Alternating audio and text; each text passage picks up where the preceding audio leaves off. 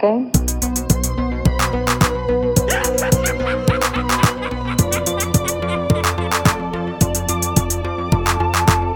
Oh, Hal, do you read me? Do you read me, Hal? Affirmative, Dave. I read you. Hallo en welkom bij weer al de achtste aflevering van onze filmpodcast Gremlins Strike Back. Eh, en Maarten, Bart en ikzelf hebben deze week weer een heleboel nieuwe dingen die we aan elkaar kunnen vertellen. Maar niet alleen aan elkaar, maar ook aan jullie luisteraars. Want eh, we hebben al gezien dat jullie ook een beetje feedback geven op onze Facebookpagina of eh, via Twitter. En dat vinden we natuurlijk altijd heel leuk. Toch? Jawel, jawel, jawel. Ehm, dus de vorige keer zeiden we dat het precies lang geleden was. Nu is het eh, totaal niet lang geleden. Ik heb pas de, de laatste aflevering twee dagen geleden afgemonteerd eigenlijk, of drie dagen geleden ondertussen. Dus eh, ik weet niet hoe dat met jullie zit, maar ik heb eh, niet veel films gezien de laatste ja, zes dagen zeker. Ik, of, ik eh, ook zeven. niet echt. Nee. Maar eh, ik denk dat we wel genoeg basiskennis hebben om een aflevering te, eh, te vullen. Hè. Dat denk ik wel, ja. Ehm, over over lezer, luisteraarsfeedback gesproken. ehm, jullie kunnen dus nog altijd feedback via allerhande wegen achterlaten. Ik heb ook eh, een persoonlijke WhatsApp ehm, feedback ehm, boodschappen gekregen. Ehm, onder andere van de Fysica Zaagpolitie. Wat, de, de, de? Fysica Zaagpolitie. Dus ehm, ik had eh, een via eh, WhatsApp of via Facebook Messenger eh, klachten gekregen over onze kennis van de fysica. En vandaag is er, was er een tweede eh, persoon die zich eh, daarover wil uitlaten. Over Dus- de parsecs of wat? over de parsecs, jawel. Ehm, er werd ons verweten dat we er niet dieper op ingegaan zijn, dat dat, eh, dat, dat, eh, een soort van lichtjaren zijn. En eh, geen, dus geen, eh, wat was het weer? Dat Geen was, dat is- tijdsbepaling of geen tijdsbepaling, maar ik had dus inderdaad gezegd dat dat afstandsding was. Ja. Maar ik moest blijkbaar meer in detail getreden hebben daaromtrent. Dus de zodanig dat parsecs we- zijn lichtjaren. ja, ja, een soort van lichtjaren. Ik ben ook geen fysic- fysicus. ehm. Maar nu moet ik oppassen wat ik zeg, of we krijgen weer de, de fysica za- zaagpolitie op ons nek. Maar, Maar als, werd ik het goed, als ik het goed begrijp, was de, de kritiek meer op u gericht, Bart. En niet echt op Sven. Maar de kritiek was een beetje gedeeld. Het ging erover dat, dat er eh, vanuit gegaan was precies dat we allemaal dachten dat dat iets was die uit de, eh, dat fictief was, ja? niet echt. Terwijl dat, ik persoonlijk wist wel dat dat echt was, maar ja, who cares, zou ik maar zeggen. Sorry, fysica Ah, zaagpolitie. oké, goed. Ja, ik dacht ook Ehm, dat het fictief was en dat, dat Star Ja, Wars Sven, had niet ook, bij ook, Darkstar. hè. Niet ook, hè. Oh, niet... ja. Ja, maar ja. Maar dus er werd ook verweten dat ik er niet op ingegaan ben om eh, te verduidelijken dat dat effectief niet uit de Darkstar komt, maar eh, er zijn er andere eh, tijden en plaatsen voor om daarover te discussiëren, denk waar. ik dan. Dat is Ja. waar. Maar Absoluut. onze excuses aan de fysica zaagpolitie. eh blijf vooral feedback eh, sturen eh, via de gekende wegen en ja, via de leuk. minder gekende is- dat, is- wegen. dat is leuk, hè. Dat is, dat, dat, dan krijg je het ook een beetje meer leven buiten de podcast, eh, jullie feedback.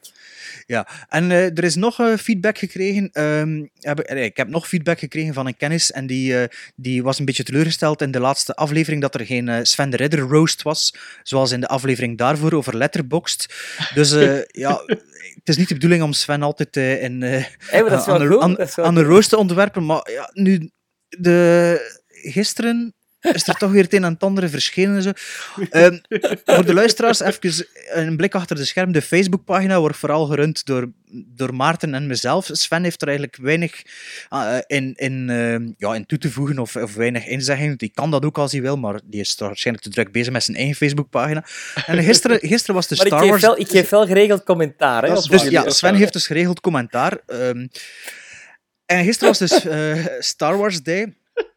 En eh, we hebben dus, zoals met de Alien Day, dus 24 uur lang, elk uur lang een eh, Star Wars post eh, gepost. Ja. Ik ben persoonlijk blij dat er volgende week niet nog een feestdag is, een filmfeestdag, want eh, ja, dat duurt wel even om 24 posts te organiseren.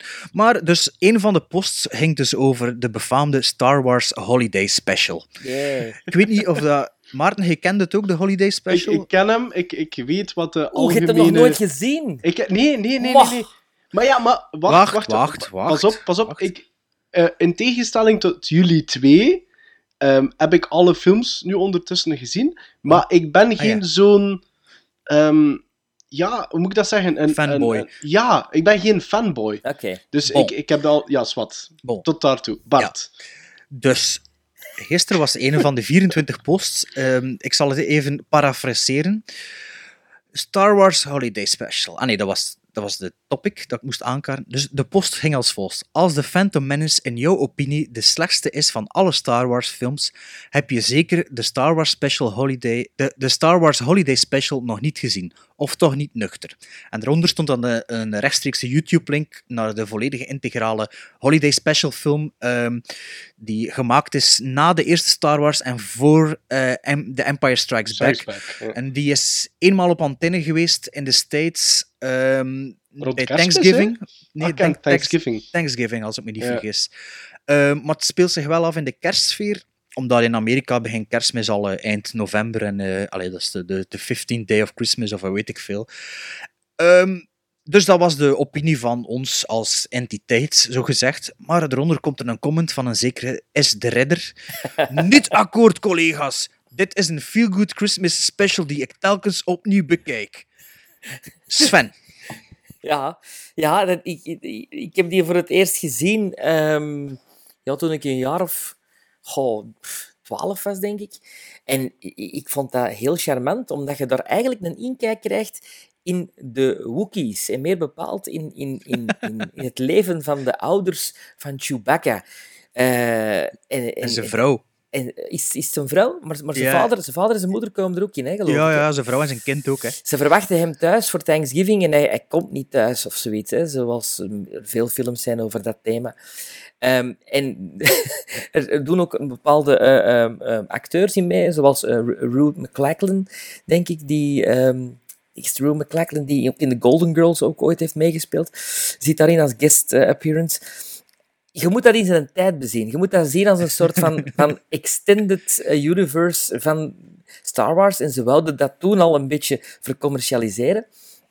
Ik denk is- dat ze vooral wouden incashen op succes van de eerste film. Het onverwachte Ja, maar het is- succes maar- van de eerste film. Maar het is heel nostalgisch en het is, heel, het is, het is kindvriendelijk. Het is, Ja, je moet dat. Allee, even voor te verduidelijken. Dus George Lucas had er weinig mee te maken, denk ik. Maar die heeft er wel voor gezorgd dat hij maar één keer uitgezonden is. En eigenlijk al de rest die nog bestaat van beeldmateriaal ervan, is eigenlijk afkomstig van die ene uitzending. Want Sven, volgens mij heb ik dat ook gezien op een bootleg-video of zoiets. Je hebt dat toch niet... ik heb dat gezien op, op YouTube. Stond dat, Ah ja. eh, Ah ja, maar toen, als ik 12 jaar was, nee, nee, nee. Als ik 12 jaar was, heb ik dat, hoe heb ik dat gezien? Ja, inderdaad, zo van een bootleg videocassette. Allee, bootleg gewoon opgenomen van de televisie. Want Dat was, dat was heel slechte andere kwaliteit ook. Dat beelden bestaan daar eigenlijk niet meer van. Hè. Dus, eh, dus ja, dat is gewoon van de pot gerukt, hè, van begin tot einde. Allee, ik moet wel eerlijk zijn, misschien is het laatste, de laatste helft ongelooflijk goed, want dat heb ik nooit verder gezien. Maar dat eerste deel is echt... nee, je dat moet- is, dat is dat- echt je voor- moet dat, je moet zien om te geloven. Maar was dat, was, dat ook niet, was dat ook niet heel low budget? Eh, Was zij dat, zij dat, like bijvoorbeeld Chewbacca, zijn kostuum, is dat, is dat krak hetzelfde als in de film? Eh, Zijn ik, kan, kostuum ik, wel, kan, maar- ik kan me zo herinneren dat Van ik daar hem een paar wel, maar- stils maar die andere andere, de zijn wel minder Nee, nee. kwaliteit, de andere Ja, kostuums. Ja, maar, weet je wat dat is? Dat is zo...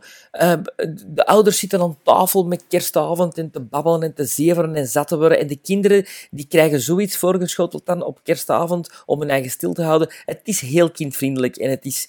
Och ja, het is een... Het is, het is, Hartverwarmend. ik, vind het, ik vind het... Al de kritiek erop vind ik een beetje onterecht. Ja. Is het echt? Ik vind, het, ik eh, vind Jar Jar Binks veel erger.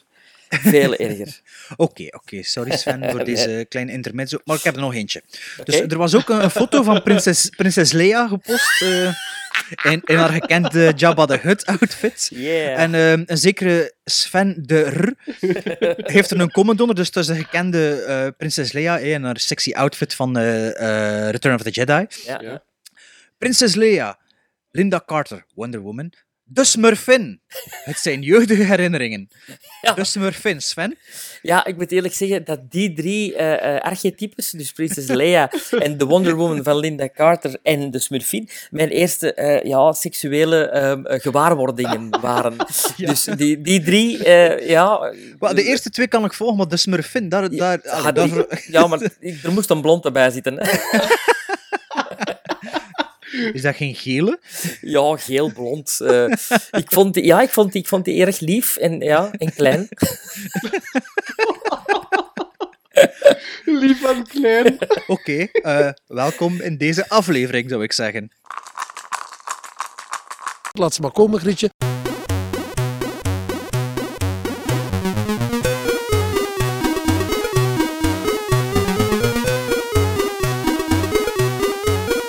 The dice.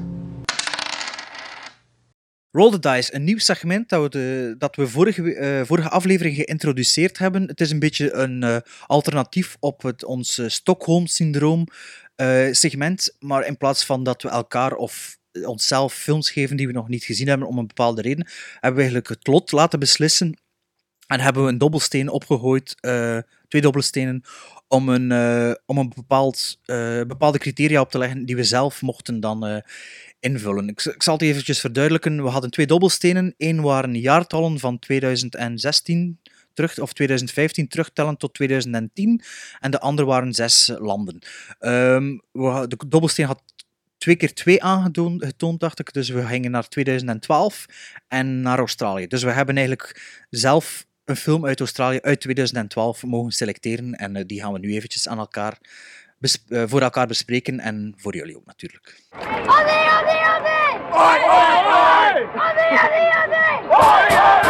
Ik vond het wel heel leuk, omdat je, je- krijgt ineens iets opgelicht Ja. waar dat je normaal nooit aan zou denken. Een Ja. com- Ja. combinatie van een jaartal en, en dan een land. En Australië dan, by all means. Eh, pas op, er zijn wel goede films uit Australië ooit voortgekomen. Mm. Ehm, Animal Factory eh? Kingdom. Animal Kingdom? An- Animal Kingdom. Mm, dat vond ik niet zo'n niet zo'n sterke. Eh, die Ik heb ik gezien op Letterboxd Ja, deze ik heb hem toevallig ook gezien eh, onlangs. En ja, dat was, mm, ja, die heeft heel veel, heel veel eh, goede kritieken gekregen, maar ik had er toch meer van verwacht. Maar, Ja. maar ehm, ik, ik vind het dan wel leuk om dan zo dat jaartal op te zoeken en dan toch te zien dat er in Australië toch ja, meer dan 20, 30 films zijn uitgekomen dat jaar, Ja. van eigen Ja. bodem. Toch wel straf. Ja. Grotere afzet, maar natuurlijk dan België, met de Engelse taal. Ja? Sowieso Ja. hebben, hebben ze wel een streepje voor hè, op dat gebied. Ja, ja. Ehm, Maarten, heb je er een gevonden? Ik, ik heb er één gevonden. Ik heb, eh, de film dat ik gezien heb is eh, The King is Dead. eh, van regisseur Rolf de Heer. En Ah. dat, Ja, Ja? Rolf de Heer. Ja, dat is iemand die in eh, Nederland geboren is. ja. In eh, Heemskerk. Je kent die of wat? Ik heb er een film van gezien met Richard Dreyfuss. Wel, eh, ik, ga, z- ik ga onmiddellijk zeggen, de reden dat ik voor The King is Dead dan uiteindelijk gekozen heb, is door Rolf de Heer. Want die heeft in 1993 heeft hij eh, Bad Boy Bubby geregisseerd. Ik Dat weet niet of dat jullie dat... Nee, Nope. dat is eigenlijk een soort van cultklassieker. Ik heb die op Blu-ray eh, eh, impor- geïmporteerd. En eh, ja, die heeft wel een redelijke following eigenlijk. Dat, gaat, dat vertelt het verhaal van, van eh, Bubby, een dertiger, die eigenlijk al Hans zijn leven in, in een kleine kamer eh, werd opgesloten door zijn zwaarlijvige moeder. En ehm, ja, dat was eigenlijk ehm, haar slaafje. Tot op het seksuele toe zelfs. Oké. Ehm, maar op een dag weet hij te ontsnappen. Maar door, ja, die heeft een soort van verstoorde mindset en zijn naïviteit zorgt ervoor dat hij natuurlijk niet in, in, in het moderne leven kan aarden. Nu, als wat. ehm, dus toen dat ik zag dat, dat Rolf de Heer ook The King is Dead had geregisseerd, ja, wekte dat wel mijn interesse. Nu, waarover gaat die film? Iets helemaal anders eigenlijk. Het gaat over eh, Max en eh, eh, Therese, ehm, die de gelukkige eigenaars zijn van een nieuw huis. Maar die worden geflankeerd door nogal eigenaardige buren. Al, althans aan één kant. Eh, de reden waarom dat de andere buur met een hete pan vol met eh look potentiële kopers tijdens de huisbezoeken wilt afschrikken, is eigenlijk gewoon omdat hij ervoor wil zorgen dat er niet nog meer marginalen ehm, in Zo- het huis komen Ja. wonen. Maar Is, het, Eh. is dat de King is Dead of is dat die andere film nog? Nee, The King is Dead nu al. Ah ja, The King is oké, Dead. Dus sorry. The King is. Dead. Een, een, een koppel koopt een huis. Ja. En het probleem zit eigenlijk vooral aan ene kant, eh, waar dat er een, een, een iets wat oudere man eh, woont, genaamd King. Dat is een alcoholverslaafde, een drugsverslaafde en een drugsdealer. En eh, die slaagt er niet in van zijn jonge vrienden en, en potentiële kopers en kopers, effectieve kopers, de deur te wijzen, waardoor dat die luid op feesten tot een stuk in de nacht. Nu, ehm, Max en Therese die houden dat wel een paar weken vol. eh, maar op een gegeven moment zijn die dan natuurlijk beu. En aangezien dat de beleefde aanpak niet werkt, van aan de deur te gaan kloppen en, en vragen van ermee te stoppen. En eh, ja, eh, uiteindelijk de politie er af en toe een keer op, op af te sturen s'nachts. Aangezien dat die, niet, dat die aanpak niet werkt, proberen de, de, da- die twee andere plannetjes te beramen. Maar dat draait natuurlijk anders uit. Allee, natuurlijk, dat draait anders uit als verwacht. Nu, wat is het grote probleem eh, met de film? Is dat het, het derde deel, dus act 3, ehm, naar mijn mening volledig verkeerd werd geschreven.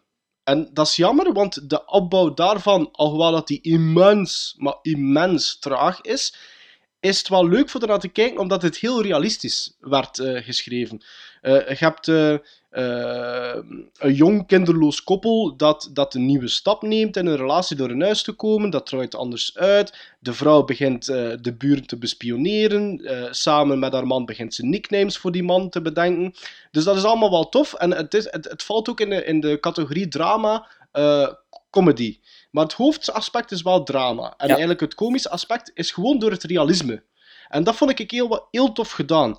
Ehm, het probleem is, op een gegeven moment dat ze het realisme ehm, eh, een beetje aan de kant zetten, omdat ze een, een, een, een nogal eh, gedurfd plannetje uitdokteren en dat een uitvoering wil brengen, loopt dat anders uit dan dat je denkt als kijker. En op dat moment is dat jammer, want je komt in een situatie terecht dat je eigenlijk al in andere films wat gezien hebt. En dat maakt de voorgaande 70 minuten niet goed.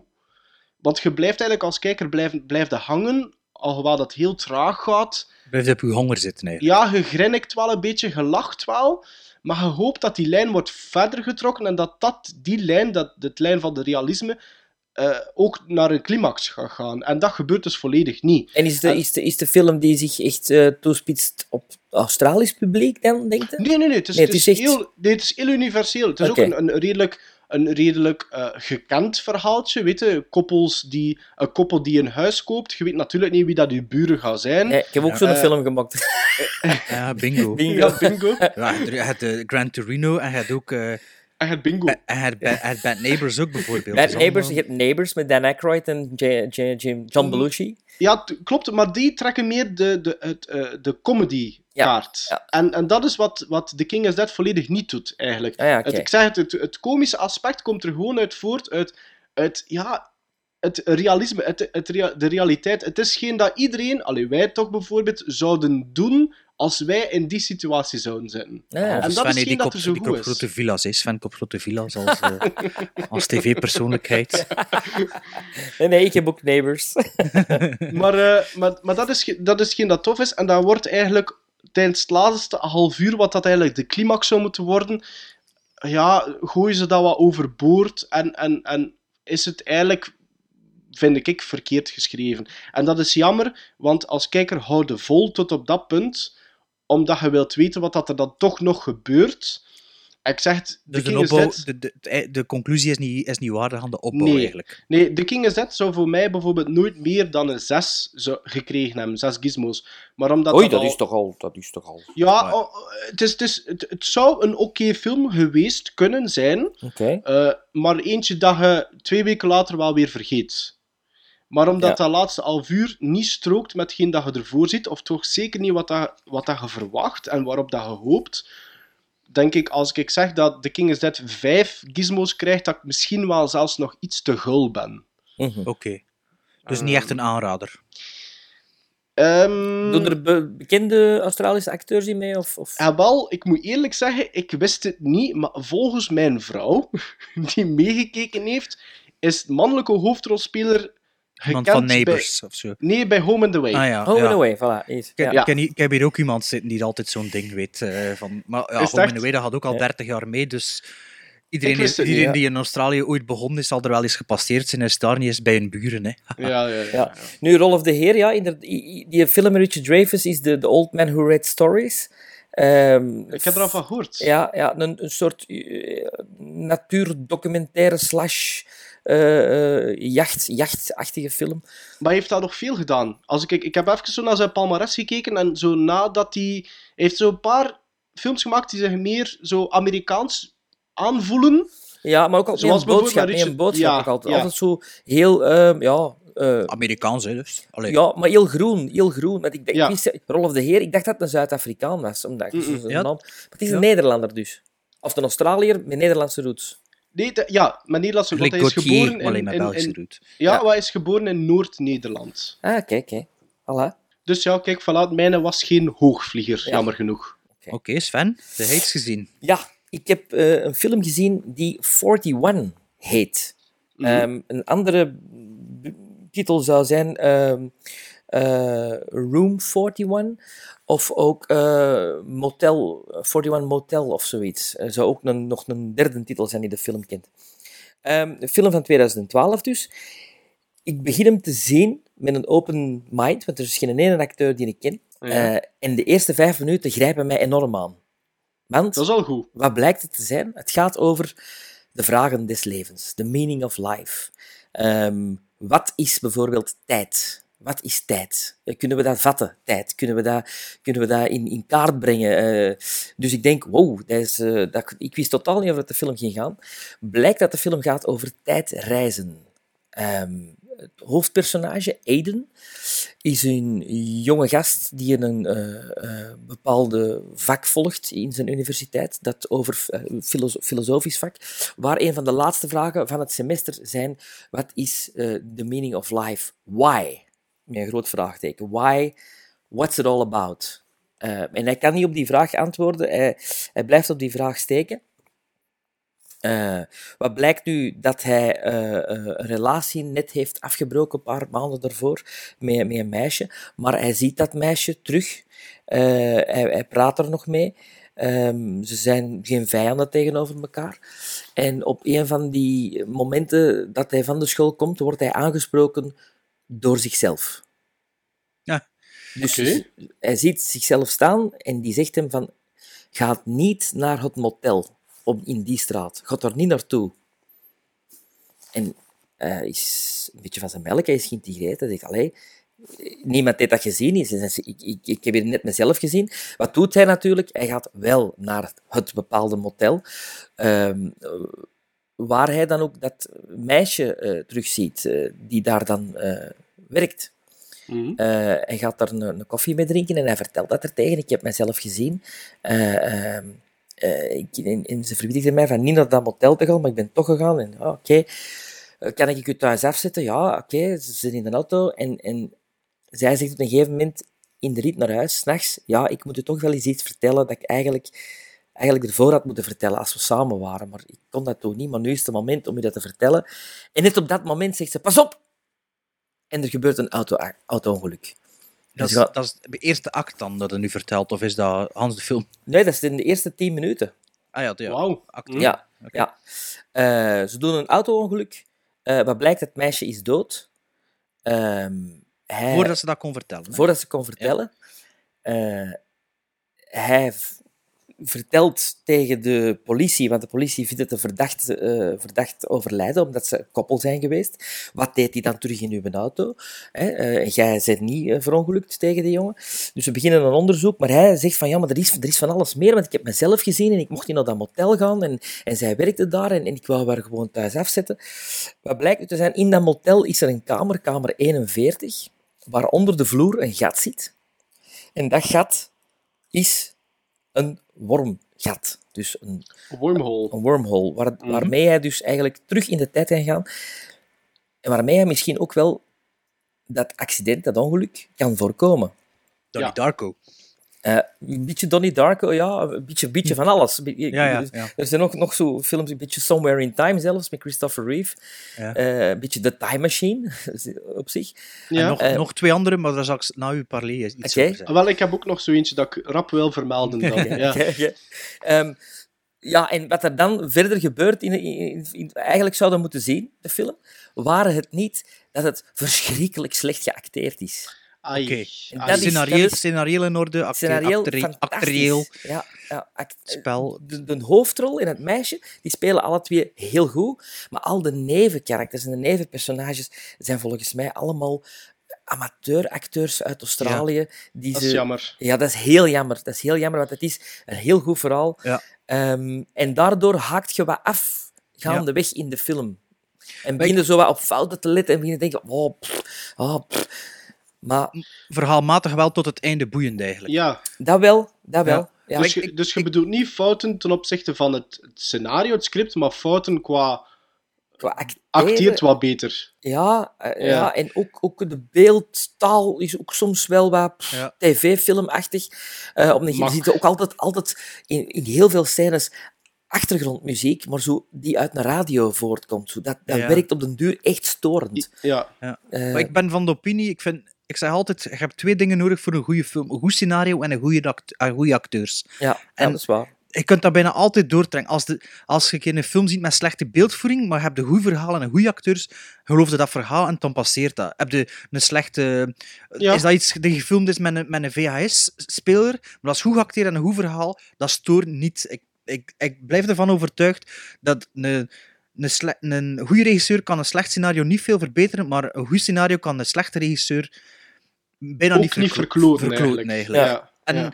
je moet toch je best doen om voorbeeld, voorbeelden te vinden die dat tegenspreken. Dus als er iemand voorbeelden heeft van jullie of van de luisteraars, laat het me zeker weten. Want een goed scenario en goede acteurs en je film marcheert. Ik zou zeggen dan die Australische regisseur die dit heeft gemaakt, eh, van ja, remake dat in de States met een paar goede acteurs. Maar heb, heb dat, je hebt hem uitgekeken, Sven? Ik heb hem uitgekeken. Ja. Ja, ja. En, en, en vond het scenario, zowel het eerste, allee, act 1, 2, 3, vonden dat dan bevredigend nog? ja, ja absoluut. Dat wel. Ja. Dus het is echt puur Puur het acteren dat verschrikkelijk afklopt. Ja, dat is jammer, hè? Dat is, Ja, dat is echt heel jammer. jammer. En niet van de hoofdrol, want de hoofdrol is heel goed. De hoofdrol heeft een heel uh, goede realisme en, en je gelooft hem. En het, meisje geloofde ook. Maar al de, al de nevenpersonages Spijtig. spelen om te slechts bijna. Dat is Ja. jammer. Ja. Ja. Ja, maar wel een aanrader dan, of moeten we het eerder lezen? Een aanrader. Als je echt niks anders te doen hebt dan, ja, dan, en, en je zit geïntrigeerd door het, het gegeven van tijdreizen, dan Ja. zou Ja. ik het zien. Ja, dan zou ik Wel, het Oké. zien. Dat is grappig dat nu over die film begint. Ik kan even een zijsprong maken. Ik heb gisteren twee films gezien die niet met elkaar te maken hebben, maar die wel alle twee passen bij wat hij nu vertelt. De ene is eh, La Jetée, heb ik gezien. Eh zeggen jullie niets? Niks, nee. Dat is van, wacht even, want ik had het hier klaarstaan al voor later eventueel. Chris Marker. Het is een film van 1962 en dat is eigenlijk een fotonovel.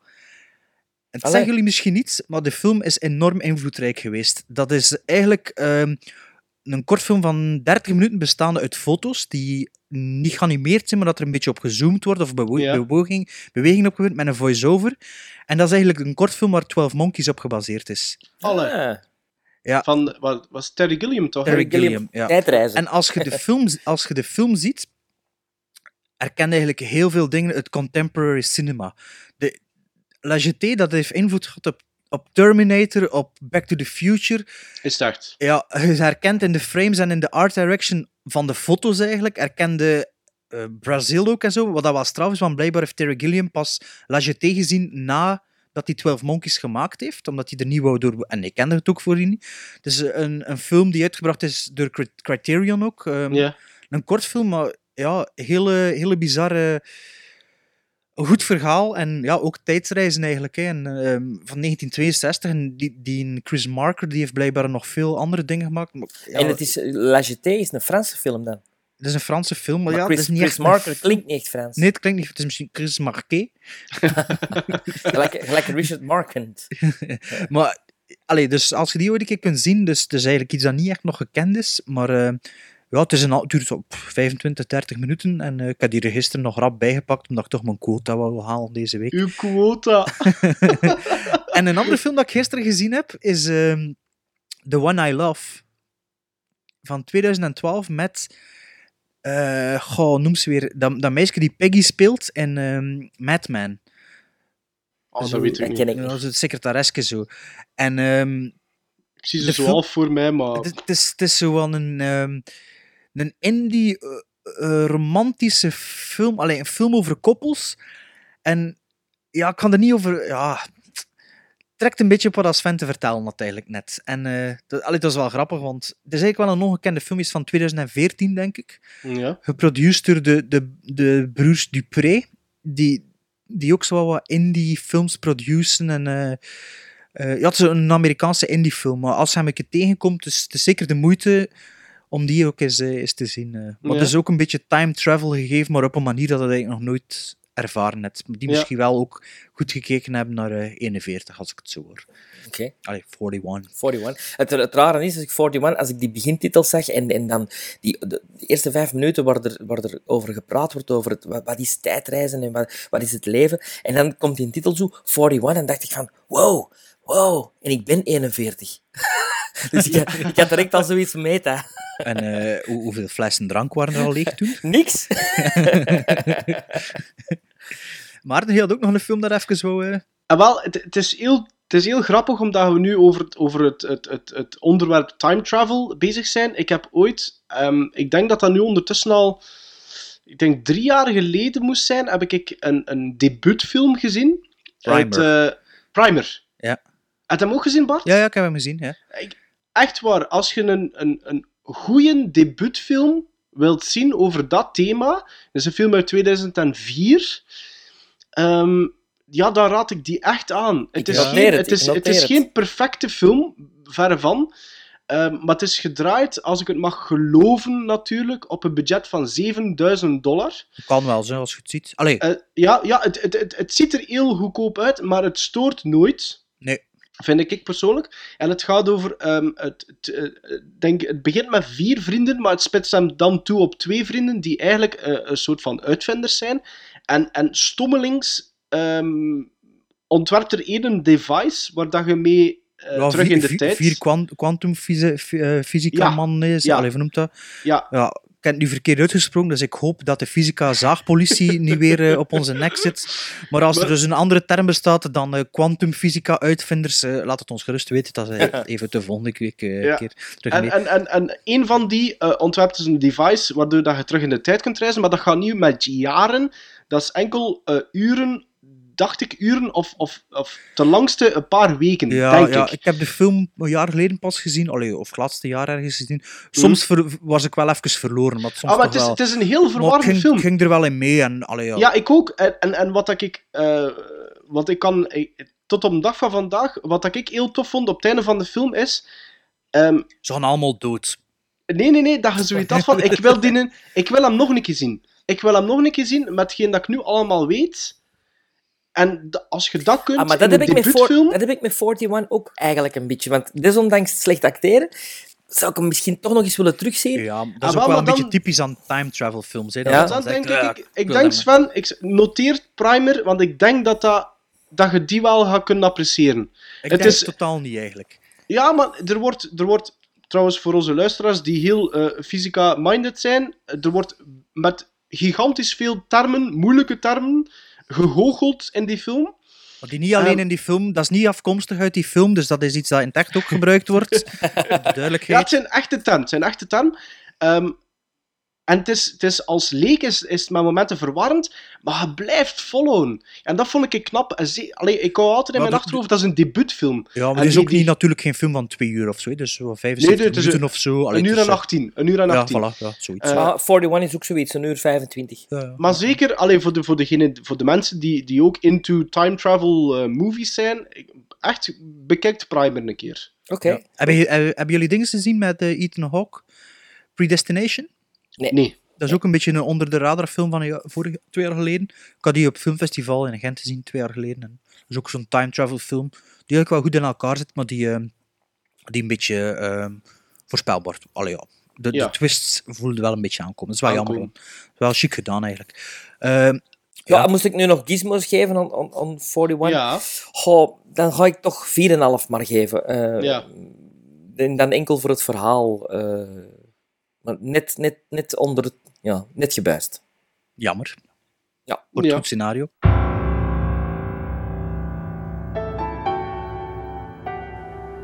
Why? Question that has plagued the human mind since the birth of the world. What is all this about? Who am I? And how did we all get here? Dus eh 41, eh, Sven, eh, Bart, wat was, ehm, wat was uw Australische film uit 2012? Wel, Ik had de lijst bekeken van wat eruit gekomen was in Australië in 2012. Hmm. Ik had gehoopt enkele films tegen te komen die ik kende, die ik al wou zien, die ik nog niet gezien had. Maar helaas. eh, dus ehm, ik ben gegaan naar, eh, voor eh, eh, ehm, 100 Bloody Acres. Oeh, Dat is klinkt een goed. horrorfilm. Eh, een horrorcomedy, een zwarte comedy.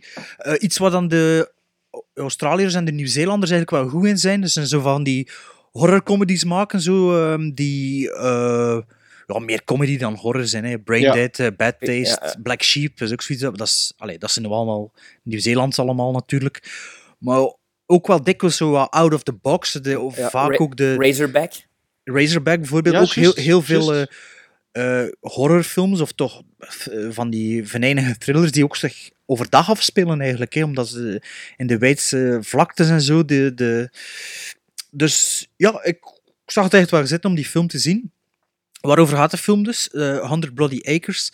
Eh gaat over twee broers die een, ehm, die, die een kunstmestbedrijfje hebben in de, de outbacks van Australië. Niet echt ehm, volledig afgelegen, maar in een, een boerendorpje, zo gezegd. Allee, ja, het, is, het is niet dat ze de enige zijn in de, in de omgeving van, eh, van 3000 kilometer. Er is een kleine community die rond de... Allee, die, ze wonen in een kleine community. En eh, een, hun, ehm, hun waren eigenlijk, die, die hebben een, een opflakkering in populariteit, omdat ze een geheim ingrediënt toegevoegd hebben aan, eh, aan hun kunstmest, Ja. namelijk bloed, mensenbloed. Oké. En eh, een van de twee broers komt de drie backpackers tegen, buitenlanders of eh city slickers van Sydney of zo. Het is niet echt helemaal duidelijk. En die hebben ja, natuurlijk pech met hun wagen. En eh, het komt natuurlijk goed uit dat hij hen kan helpen. Natuurlijk. En ja, dat is een beetje de, de trigger van het verhaal. Ehm, veel meer zal ik er niet over vertellen. Allee, over de, het verhaal. Ehm, Is het, Maar wordt het nog verrassend of is het zo van minder dan dat? Eh, de film is volledig been there, done that, maar het is zodanig fun dat het niet stoort. Ah, oké. Het is goed, eh, goed geacteerd door de twee broers, die ik ook herkende van andere zaken. Eh, de ene broer komt in de Fargo, seizoen 2 speelt hij een van de slechterikken. Zag ik ook dat hij een rol heeft in Mad Max Fury Road. En de andere herkende ik van, als bijrol van Breaking Bad. Ik denk van de Nazi-bikers of zoiets van het laatste seizoen, als ik het gezien Oké. heb. Maar dus de film zelf is echt... ehm, ze zijn redelijk zelfbewust van, oké, we zijn hier een, een comedy aan het maken, een horrorcomedy, en we gaan er echt eh, wat goed over gaan. Ja. En we weten van onszelf dat we eigenlijk niet echt bijster origineel zijn, maar de, de komische timing van alles zit zo goed. En, is, allee, en met dat acteren ook goed is, blijft het boeiend tot het einde. Het is ook maar een film van 90 minuten of zo, maar ik heb toch echt wel vier, vijf keer luid op moeten lachen. En Ja. Vier, vijf keer luid op moeten lachen, maar ik heb de film dus heen en terug naar mijn werk gekeken op de trein. Dus ik zat lui- luid op te lachen op de trein, dus dat is al nog een, een drempel erhoor. Er zat Ja? ook iemand naast me in maatpak af en toe mee te, mee te zien. Maar dus nu moet je ook wel weten, de film is echt wel in eh, bijvoorbeeld Braindead traditie dat er wel wat liters bloed Ja. over het scherm druipen. ehm, maar niet Dus, constant. Maar Dus dus, het feit dat jij zat te lachen, moest die mens denken van oei oei. ja, die, die zat, ik zag, voelde die af en toe eens meekijken. Die dacht waarschijnlijk, Psycho. zit die zot naast me niet te zien. Eh, de ledema je ziet de ledematen, ledematen vliegen eraf. Er is, er is een goede dynamiek tussen die broers. Er.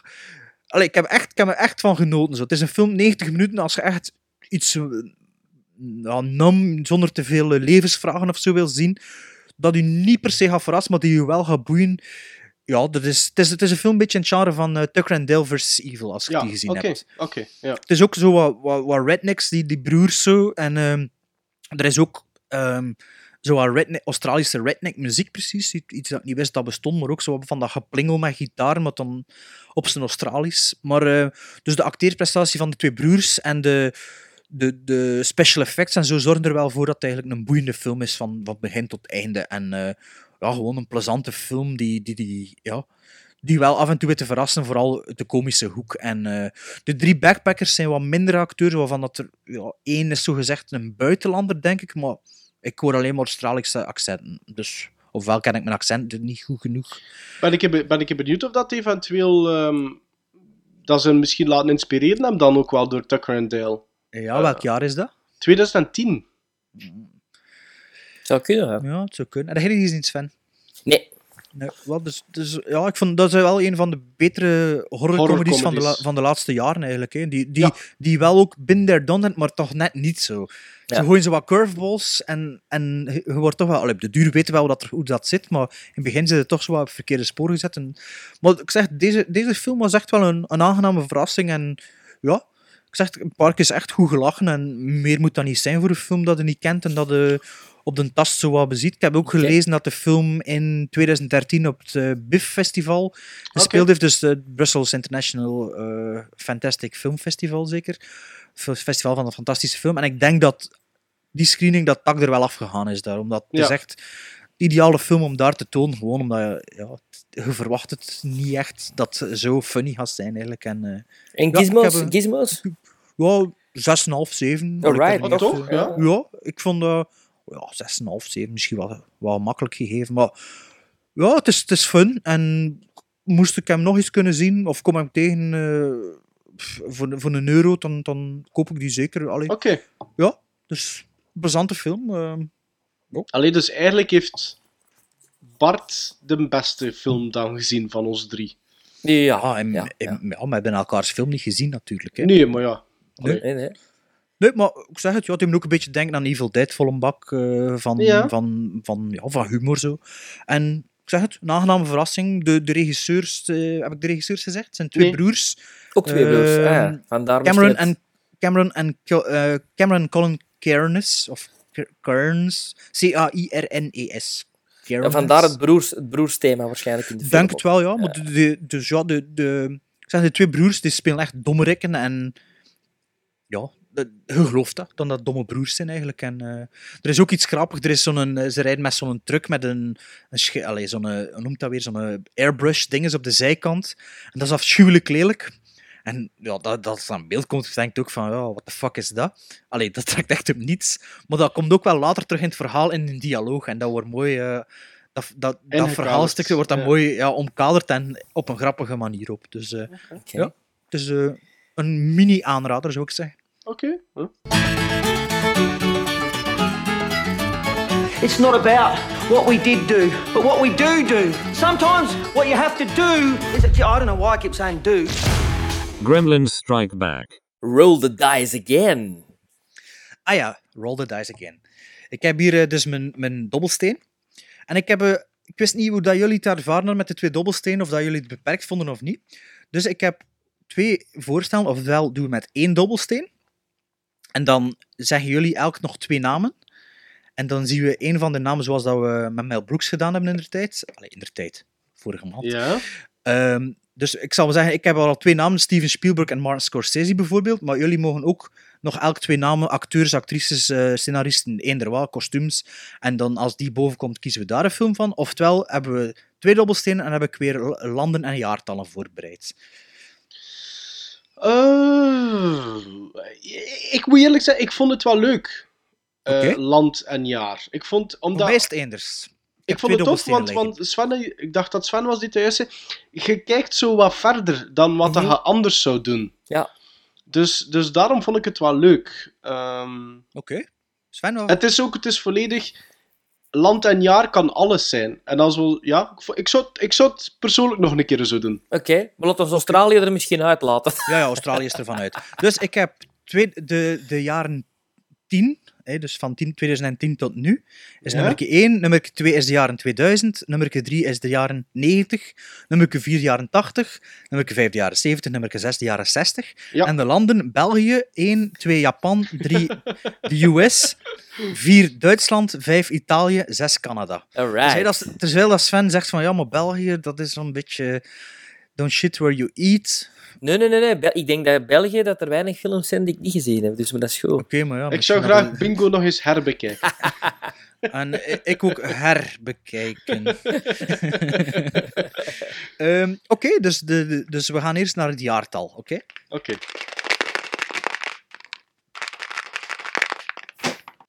We hebben weer nummer 2, dus de jaren 2000, of de jaren 0. Hè? Ja.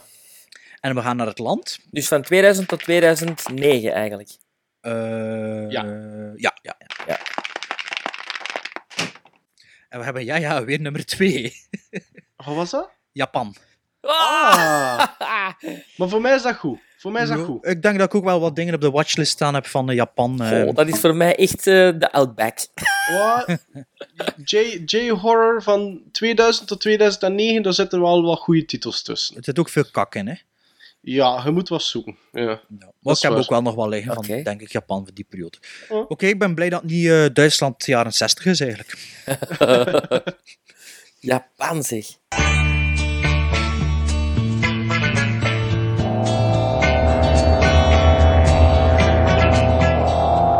They wanted to see something different, but something different saw them first. The hills. alive with the sound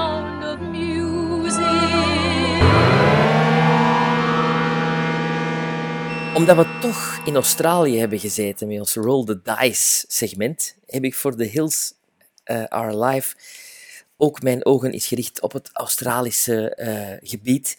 En ja, als je Australië zegt en filmmuziek, dan kun je niet voorbij Brian May. Eh, Brian May, ehm, de man die eigenlijk bekend is geworden met eh, Mad Max van George Miller. Ehm, maar eigenlijk daarvoor ook nog eh, eh, Patrick heeft ge- gecomponeerd, ook een, een, een horrorfilm. Eh, en om niet naar Mad Max 1 te gaan, heb ik gekozen deze keer voor The Road Warrior, Mad Max 2. Ehm, omdat ik dat van, ik persoonlijk van alle Mad Max films de beste vind. Ehm, eh, ze gaan er ook het, het, het, het, het verste voor mij qua, qua chaos. Eh, verder dan de, de laatste installment eigenlijk. En ook in de muziek. De muziek is, is heel chaotisch. Ehm, is heel eh, ehm, experimenteel, ook voor die, voor die tijd. En daarom verbaast het mij dat voor Mad Max Beyond Thunderdome, de- de derde eh, installment, dat regisseur George Miller niet met Brian May terug heeft, is samen gaan werken. maar met, Tina Turner. ja, en met Maurice Jarre, by all means. Een hele vreemde keuze. Ehm, maar ik heb dan ook door wat opzoekingswerk te doen gezien dat George Miller eigenlijk van die derde Mad Max enkel de actiescènes heeft geregisseerd. En dat een, Ah. andere, een andere regisseur ehm, de acteurs, eh, eh, de acteurs eigenlijk voor zich heeft genomen. Omdat er een dodelijk eh, ongeluk moet gebeurd zijn op die set. Waardoor George Miller volledig van de kaart was en, en zich eigenlijk alleen met die actiescènes is gaan bezighouden en, en niet meer met de rest van de film, eh, volgens de artikels die ik daarover gelezen heb. Zit daar nu de keuze in om Brian May te vervangen? Ehm, ik weet het niet. Ehm, wat dat mij ook opviel, eh, is dat eh, Brian May, niet, niet te verwarren met de andere Brian May, Van, want je hebt van Queen. Ja. van Queen, Mm. hè, maar dat hij ook eigenlijk eh, er niet meer is. Dat die man gestorven is eh, in 97, op 62-jarige leeftijd. Eh, ook aan een hartinfarct trouwens. Dus eigenlijk heeft hij niet veel niet meer kunnen doen van een nieuwe muziek. Het, het laatste dat hij gedaan heeft is Dr. Giggles in 92. Een B-horrorfilmpje. Een, goede, goede B-horrorfilm wel, Ja. vind ik. Met, met Larry Drake, Ja. die trouwens onlangs dit jaar ook gestorven is. Juist. Ja. Ja. Best gekend is uit de, de Darkman-trilogie, dacht ik. Hè? Met Liam Neeson, de eerste. Darkman die- en L.A. Law. Is dat Ja. die een lelijke jood? Een hele lelijke. Ja, hè? Een hele lelijke, alleszins. Ja. Ja, hè, maar is dat die, nu- ja, dat, is, dat is die dat onverwachts overleden is, hè? Ja, ja, Ja, hè? toch? ja. En, Ja, en, en.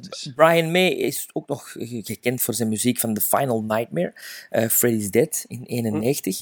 Eh, heeft ook nog eh, Tales from the Crypt een paar afleveringen gedaan. Dan Death Before Dishonor in 87. Een Die hele goede soundtrack heb ik. Ja, ja. En Steel Dawn met Patrick Swayze. Een beetje een Mad Max-achtige film. Ook Cloak and Dagger met Gene Hackman heeft hij de muziek voor geschreven.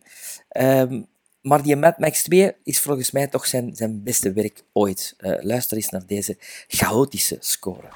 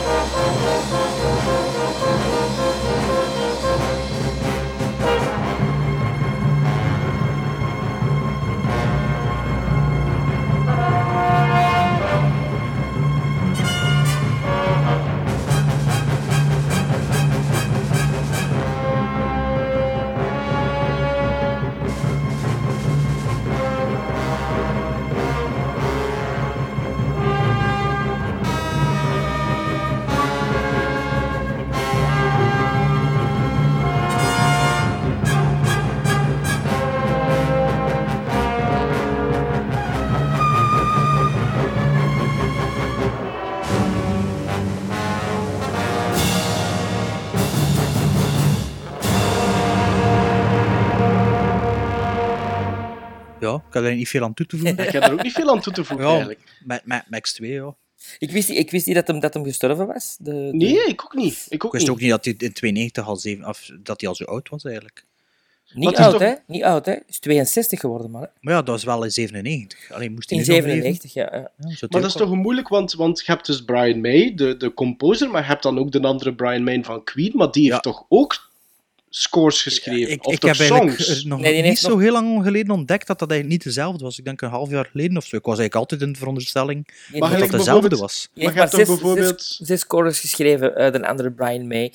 Eh, maar heel veel, die zijn, die zijn liedjes zijn heel veel gebruikt in films. Hè. Ja, Oké, uiteraard. ja. ja. Ladies and gentlemen, I'm here tonight to tell you a very strange story. A story so strange that no one will believe it. Maarten Melon, zweetjes!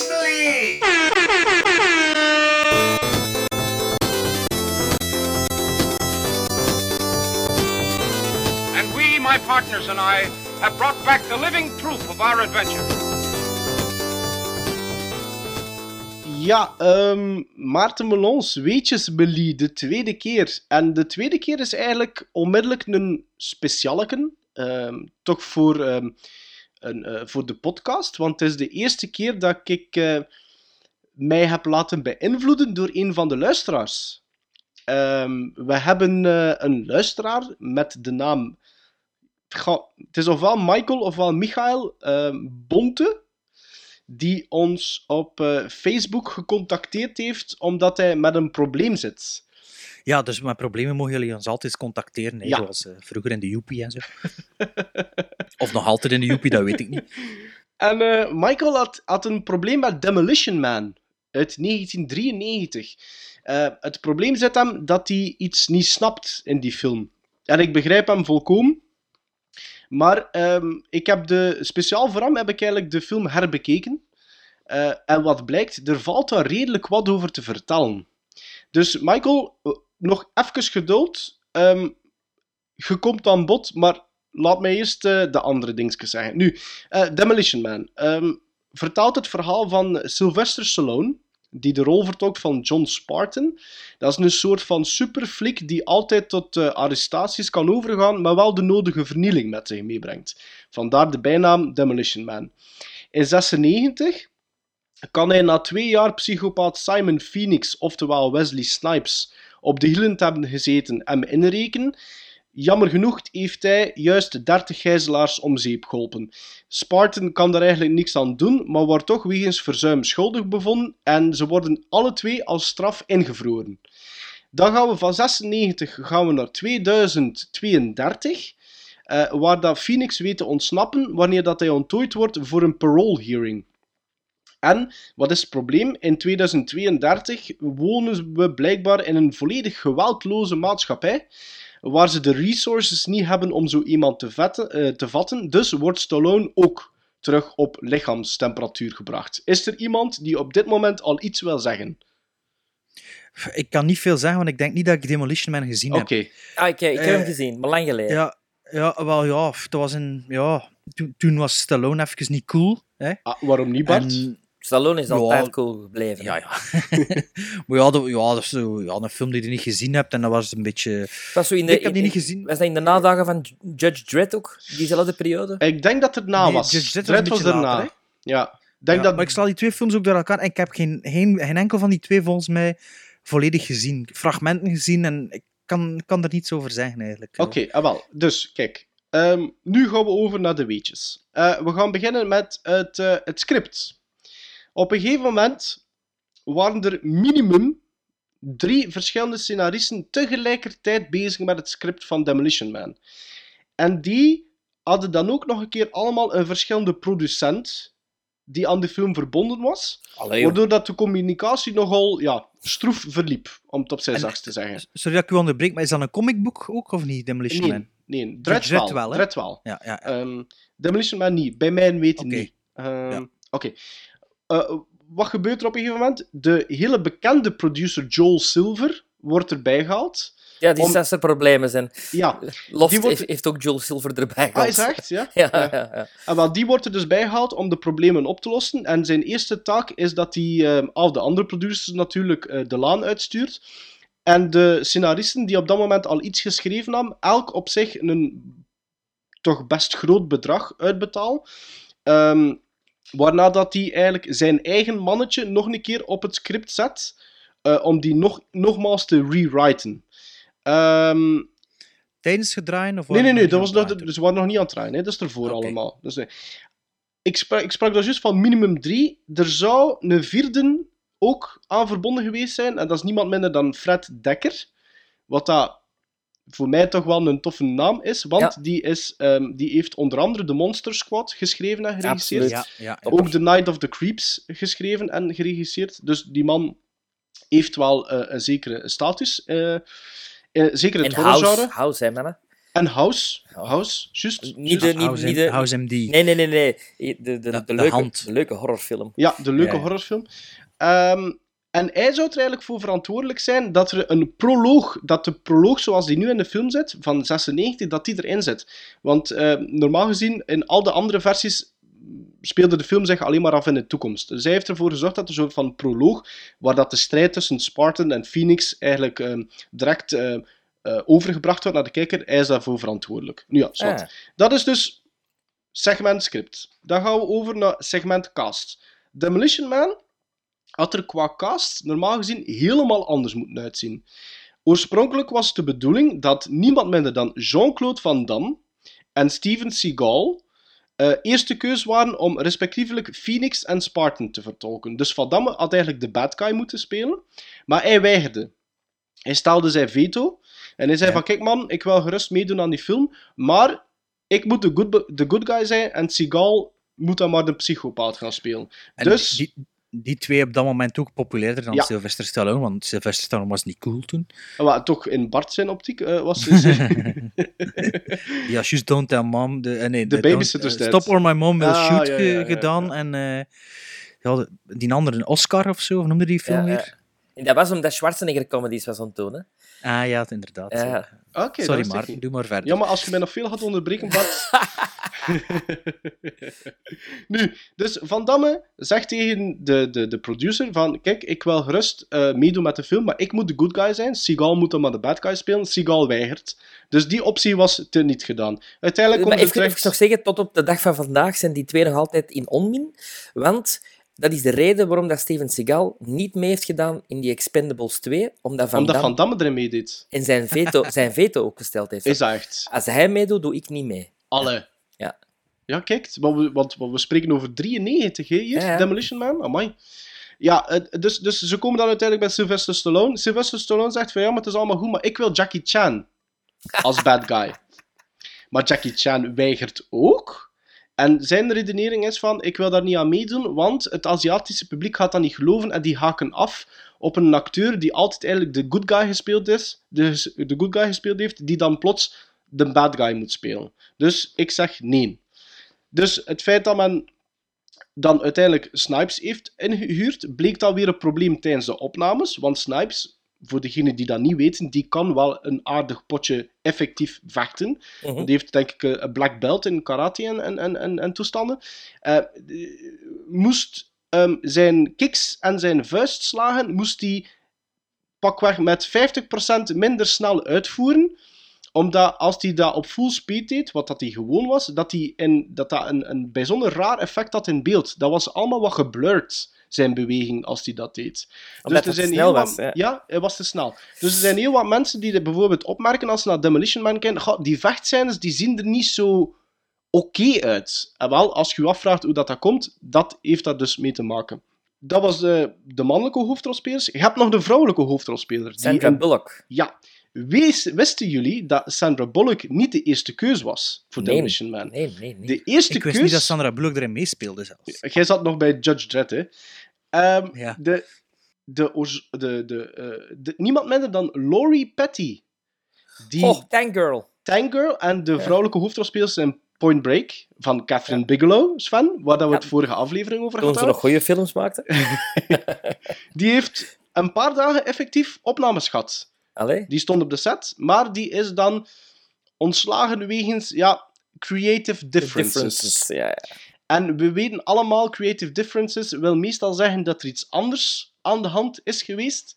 Maar tot op heden blijft dat een groot mysterie. is ook iemand die echt verdwenen is en het niets ineens, hè, Laurie? Ja, die is even helemaal van de radar verdwenen. Ja, hè. ja. Ja. En, Misschien heeft dat te maken met de creative differences. en plots, toevallig terug opgedoken, allee, waar dat ik weet van heb, in, eh, van, weet van heb, is in de derde, derde seizoen van Orange is the New Black. Ah, duikt die mee? plots op. Ja, duikt die plots op. Ik heb dat gezien, maar het, is, het was me niet opgevallen. Daar hebben ze natuurlijk veel vrouwen nodig in die reeks. Nu is wat.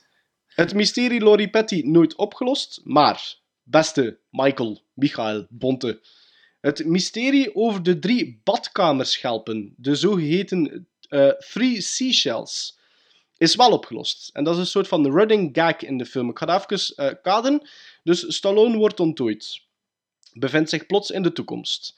En op een gegeven moment moet hij, we zijn maar menselijk, naar het groot toilet. Ehm, nu, wat gebeurt er? Plots komt hij naar buiten met de vraag: Where's the toilet paper?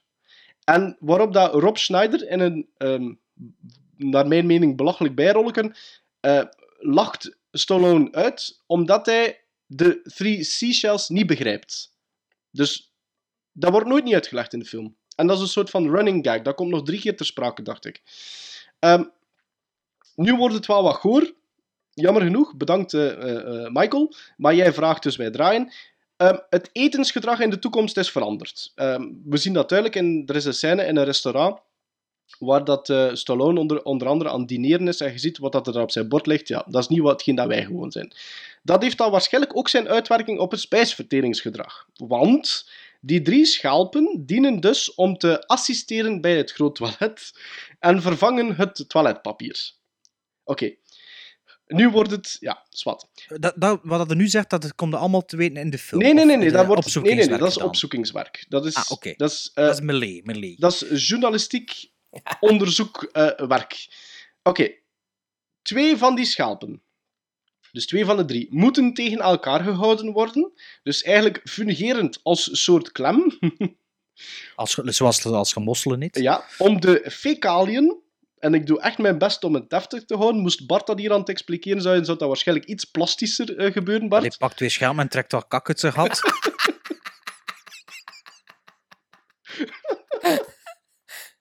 niet? Ja. Dat, dat, dat is het dus, om uit het lichaam te trekken. En de derde, want er blijft nog een derde schelp over, dient dan blijkbaar om het poepengaatje proper te schrapen. Dat is dan Om goed dat je... af te kussen. Ja, Het is dan top dat je met de juiste schelp begint. Hè. Is dat dan een zachte schelp, die derde? ja maar ik, ik- dat weet ik niet. Maar het enige wat ik kan zeggen, is dat ik dat hier niet ter plekke zit te Dat verzinnen. zijn Want waarschijnlijk die scheermesjes zo. De... zo- die sierschelpjes. zowel, Scheermesjes, zowel, zowel Stallone als Sandra Bullock hebben dat dus in interviews dus laten blijken en, en, en gezegd dat dat de bedoeling is van die, eh, die schelpen. Dus Maar laten we zeggen dat in de montage gesneuveld is, die, eh, die uitleggende het scène. is, het is een running gag, dus ik denk Running dat het... Dan heb je geen schelpen nodig. hè. Allee, die eerste twee toch niet. Ehm, het is een running gag, eh, dus ik denk dat eigenlijk nooit die bedoeling geweest is om dat uit te leggen. Ehm, Een inside joke. een soort van mysterie gebleven is. Ik denk zelfs dat het heeft, dacht ik, zelfs 15 jaar geduurd vooraleer dat Sandra Bullock tijdens een interview, want dat waren er dus veelvuldig gevraagd op premières van haar andere films, om dat uit te leggen. En dus blijkbaar, dat is het, dat is het dus. Ehm, dus beste Michael of Michael, laat het dus bij deze duidelijk zijn voor u en voor alle luisteraars, als we kunnen helpen, dan doen we Dan, dat. Hè? Als we kunnen helpen, gebruiken we schelpen. Nu moest er iemand, moest er iemand anders zijn, een luisteraar, die, die, die een vraag heeft, dan... De vraag aan Maarten. Of, of, of aan ons, want het, het, het- ik, ik vond het redelijk toevallig dat er eigenlijk nog zoveel over Demolition Man te vertellen was, hè, wat dat dus eigenlijk wel paste voor, voor het segment eh, De Weetjesmelie. Maar ehm, Ik denk nu dat ik weet waarom dat de verwarring er is met Demolition Man en Judge Dredd, want je zei Rob Schneider, maar die, die, speelt ook, die in, zit ook in Dredd. Judge Dredd. Ja, die speelt, en die heeft daar eigenlijk, de, eh, Schneider heeft eigenlijk een grote rol In, in Dread, want dat is zo'n beetje eigenlijk Stallone zijn sidekick, hè? Ja, in, in ja. Dread. Jullie de, de remake, allee, de Nee. Dread, Dread gezien Nee. van nee, een paar jaar nee, terug? Nee. nee. Dat is echt, echt een, ja, ook onder, allee, eigenlijk onder de radar gebleven, maar dat is echt een goede actiefilm. Ik noteer Een het. beetje, ja, een beetje zoals The Raid. Zeg maar, Die is, heb ik ook nog is, niet gezien. is, dat, eh, is dat Carl Urban? Ja, ja, Carl Urban. Dat is de hoofdrol, hè? Maar, ja, maar je ziet die niet, je hebt de hele film met Helman. Ah, oké, dan is het goed. Dat is een, Ja, rare dat is- mens. dat- Een rare mens. Ja, ja, maar, maar ja, die film had me verrast toen dat die uitkomt. En ik heb hem eigenlijk nog altijd niet eh, in de winkel op DVD of Blu-ray tegengekomen. Maar ik wil die zeker nog eens oppikken om die allee, via Amazon of zo vinden. Ja. Kunnen die wel bestellen. Zo, maar ik heb die nog niet zo en passant tegengekomen. Want het is echt wel een, gewoon een actiefilm die, be- die begint en doorgaat tot het einde. Zo. Dus de remake van Dread. Van Judge Dread. Wel, En die ja, heet, Dread. Ja, Dread, maar dus, denk dat het gewoon een personage uit de comicbooks is. Ja, ja, die, voilà, eh, ja. Dus niet echt Ja, een dat is, remake, dat is, dat is effectief wel een, een, een comicboekverfilming, hè, Dread. Ja. Allee, Judge Dredd ook, hè. Eh, Ja. Dat heeft dat als Ik bronmateriaal. weet dat Ah, ja. dat een tagline, een tagline was. I am the law. Ja, ja, juist. I am the law. Ja. Ehm, ah ja, en het laatste wat ik nog kan vertellen over Demolition Man is dat hij in Kuwait uitgebracht is als Rambo the Destroyer. Serieus? Ja. Ja. Dus dat is er, een, zijn er posters van te vinden zitten? Ah, dat zou, dat, is- dat zou ik je moeten zien. Dat zou ik je een moeten combi- bekijken. combinatie van Rambo en Conan, eigenlijk dan. Ja? Ja, Ja, ja. juist. Wacht, hey, Dat is Conan een Destroyer is de poster. tweede, hè? De tweede, ja. ja. Ja, En de eerste is Conan the Barbarian. Barbarian. ja juist. Cool. En Maarten heb, moest nog iets, een plug doen. Hè. Wat heb je, iets, eh, heb je met iets bezig gehouden deze Juist, week? Hè? juist, juist, juist. Dus, dus luisteraars, eh, stuur als je vragen hebt. En we, eh, ik, ik ga niet zeggen dat we altijd direct gaan kunnen helpen. Misschien is er wat opzoekingswaard, maar laat ze Ja, maar en, komen. en er staat ook geen vragen over kutfilms, hè, want dan was verplicht om er naartoe te zien en dan dat is, dat, kunnen we beter iets dat is, interessants dat is meer hè. iets voor Bart, als zo slechte films. Hé Bart, daar hoorde jij je graag mee bezig, hè? Ik denk eerder Sven als ik ze letterbox zo zie. Toevallig moet ik nog iets zeggen over Letterboxd, want... Segway. Want, want heren en luisteraars, eh, de podcast heeft nu een, zijn eigen officiële Letterboxd-account. eh, waar dat... eh, allee, die dient eigenlijk niet alleen voor onszelf aan, als geheugensteuntje, maar ehm, als je zoekt op eh, username GizmoWatched, of gewoon eh intypt Gremlin Strike Back Film Podcast, dan kom je op onze, op onze account terecht. Daar eh, lijsten we alle films op waar dat we iets over gezegd hebben. Dus, ehm, en daarbij vermelden we ook in welke aflevering en in welk, In welk segment. segment. Ja. Dus ehm, als je een nieuwe luisteraar bent, eh, is het misschien leuk om te zien waar we ons mee bezighouden. Maar als je je vragen stelt van, ah, dat is juist, ze hebben het daarover gehad, maar waar was dat weer? Eh, bij deze ehm, kunnen jullie nu allemaal eh, op Letterboxd terecht, moest dat nog niet het geval zijn. Zoek ons op en, en, en zoek ons drie op hetzelfde moment ook op, hè, Bart Sven. waarom Ja. niet, hè? Ja, tuurlijk. Voeg ons Ik weet wel niet of dat de letterboxd eh, accounts kunt checken als je zelf geen lid bent. Dat weet ik eigenlijk niet. eh. Ik weet niet of dat, dat iemand dat niet. getest heeft. Nee, dat weet ik niet. Ah, over social media problemen gesproken. Ehm, ik had eh, een eh, prijsvraag ver- verborgen in... Nee, geen prijsvraag, maar een prijs verborgen in eh, een van de 24 Star Wars Day eh, posts. Juist. Eh, Ik had gezegd, postnummer zoveel, eh 16 of zo was het, de, als, wie dat er die deelt. Dus ik had gezegd op voorhand, deel ze en in één ervan valt er iets te winnen. Ja, het probleem is, we kunnen niet zien wie, wie dat er gedeeld heeft. Dus allemaal bedankt om te delen. we zullen een andere prijs het vinden, prijsvraag het vinden. Maar, hey, bedankt om te delen allemaal. Eh, eh, mijn excuses. ik wist niet dat je dat niet kon zien eigenlijk. Eh, ik denk dat het met privacy-instelling te maken heeft of zo. You're a godsend. Savior. No, I'm. I'm just the postman. Come out here, Capone. You want to fight? You want to fight you and me right here? That's it. Come on. Matter? You afraid to come out from behind your men? You afraid to stand up for yourself? The truth is the most important value we have because if the truth does not endure, if the government murders truth, if, it, if we cannot respect the hearts of these people, then this is not the country in which I was born in, and it's certainly not the country that I want to die in. If you build it, he will come. In een van onze eh, eh, Facebook-posts hadden we het over Waterworld. En blijkbaar eh, hebben heel veel mensen daar nog een grote sympathie voor. Onder andere ik ook. Eh, die film is destijds een beetje eh, verguisd door eh, problemen, onder andere met de regisseur Kevin Reynolds. Kevin Costner heeft het dan ook overgenomen, dacht ik, die, die regie van Waterworld. Ehm, in het kielzog daarvan eh The Postman ook gemaakt. Kielzog. Ja, goed. En heel veel mensen hebben toch blijkbaar sympathie voor die twee films, voor Waterworld en voor The Postman. En dat bracht ons op het idee van, waarom doen we eens geen Kevin Costner special? Want Kevin Costner is toch wel een icoon in de hedendaagse cinema. Costner, geboren in 55 in Californië, ehm, zegt van zichzelf eh, Cherokee roots te hebben. Dat is tot op de dag van vandaag nog niet bewezen, maar eh, hij heeft dat handig kunnen gebruiken in zijn eh, campagne voor Dances with Wolves, een film die hij zelf geregisseerd heeft, waar hij de hoofdrol in speelt. Hij heeft hem geproduced. Hij heeft er ook geweldig veel Oscars mee gewonnen. Maar voor zijn carrière van start is gegaan, Kevin Costner, eh, was hij gewoon eh, busdriver. Eh, meer bepaald om huizen van de Hollywood Homes, de stars of the Hollywood Homes, aan, aan te wijzen. Allee. Ja, hij heeft ook... Zo- Zo'n een, een, gids eigenlijk. Een, gids, een gids van, gids. kijk, daar woont eh, eh, Jack Lemmon en daar woont Walter Matthau in die tijd. Eh, hij is ook te werk gesteld geweest in Disneyland. Er is een, een attractie, Jungle Cruise, waar een bootje à la Indiana Jones mee rondvaart. En, en daarop staat dan een man met zo'n soort van Indiana, Indiana Jones hoed, die dan uitleg geeft over de jungle. Dat heeft hij ook nog gedaan. En, en, en dan is hij eh, begonnen met een, een soft eh, pornofilm.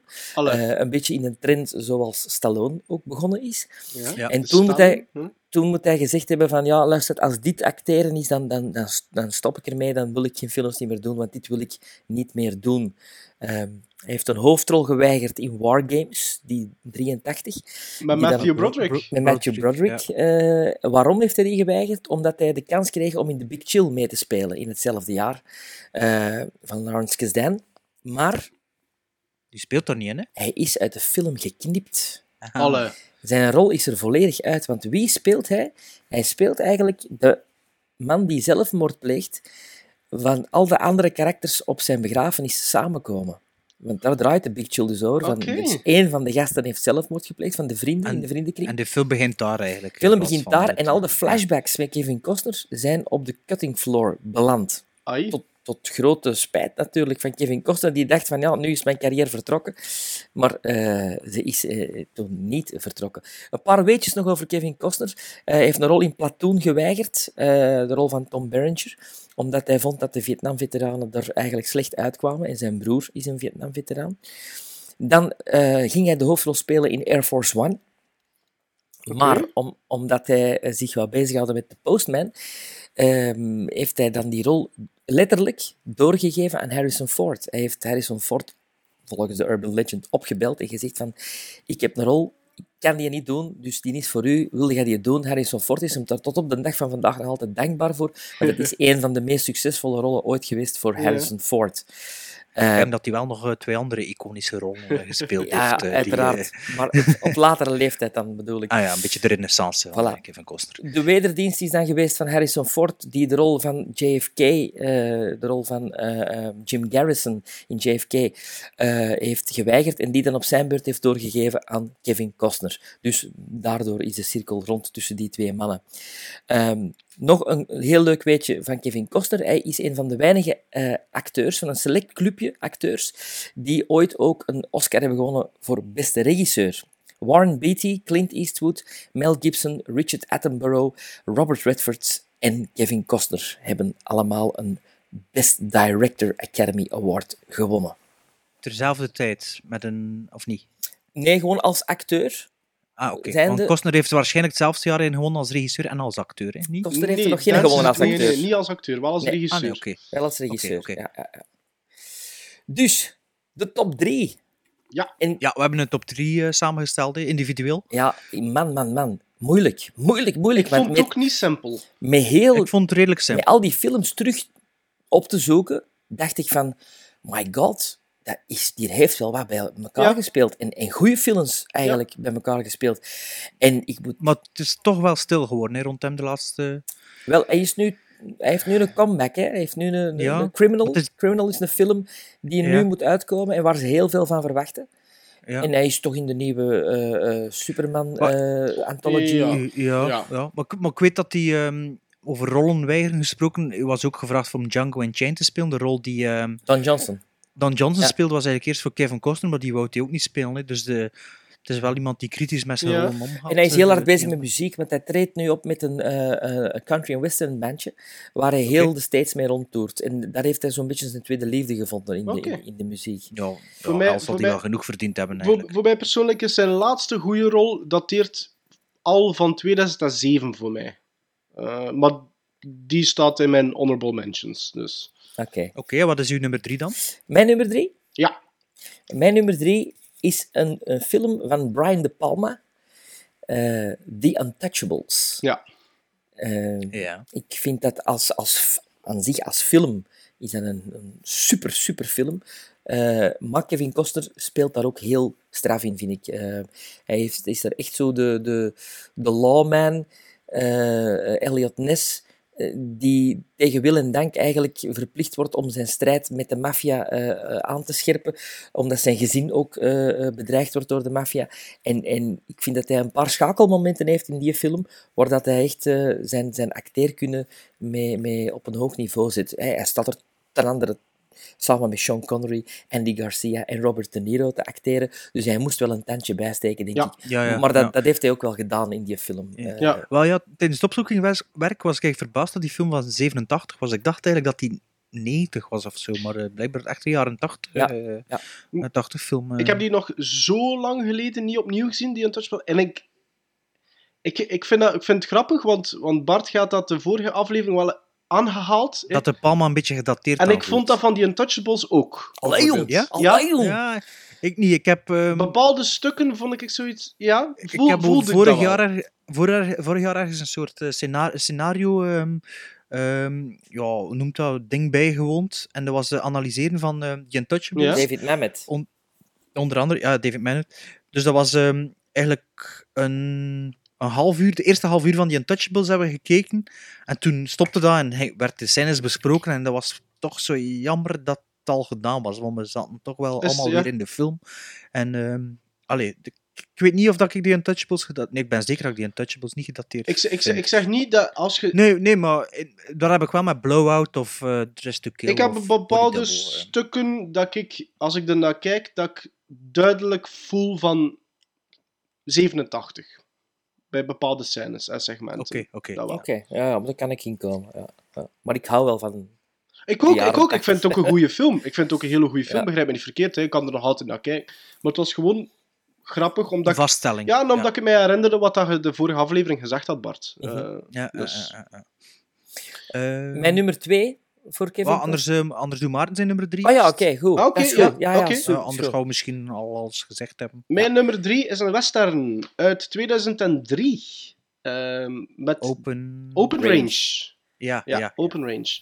Ehm, omdat ehm, ik treed eh, Sven bij. Ik vind Costner, als hij een hele goede doen is in een film waar dat hij eigenlijk de enige echte protagonist is, kan hij verschrikkelijk goed zijn en blijven boeien. Maar als hij een klassebak naast hem heeft en een tandje bijsteekt, ja, dan, dan, dan, dan heb je een fantastische film, vind ik. Absoluut. En Open Range is zo één. ehm, omdat die ehm, bijgestaan wordt door niemand minder dan Robert Duval.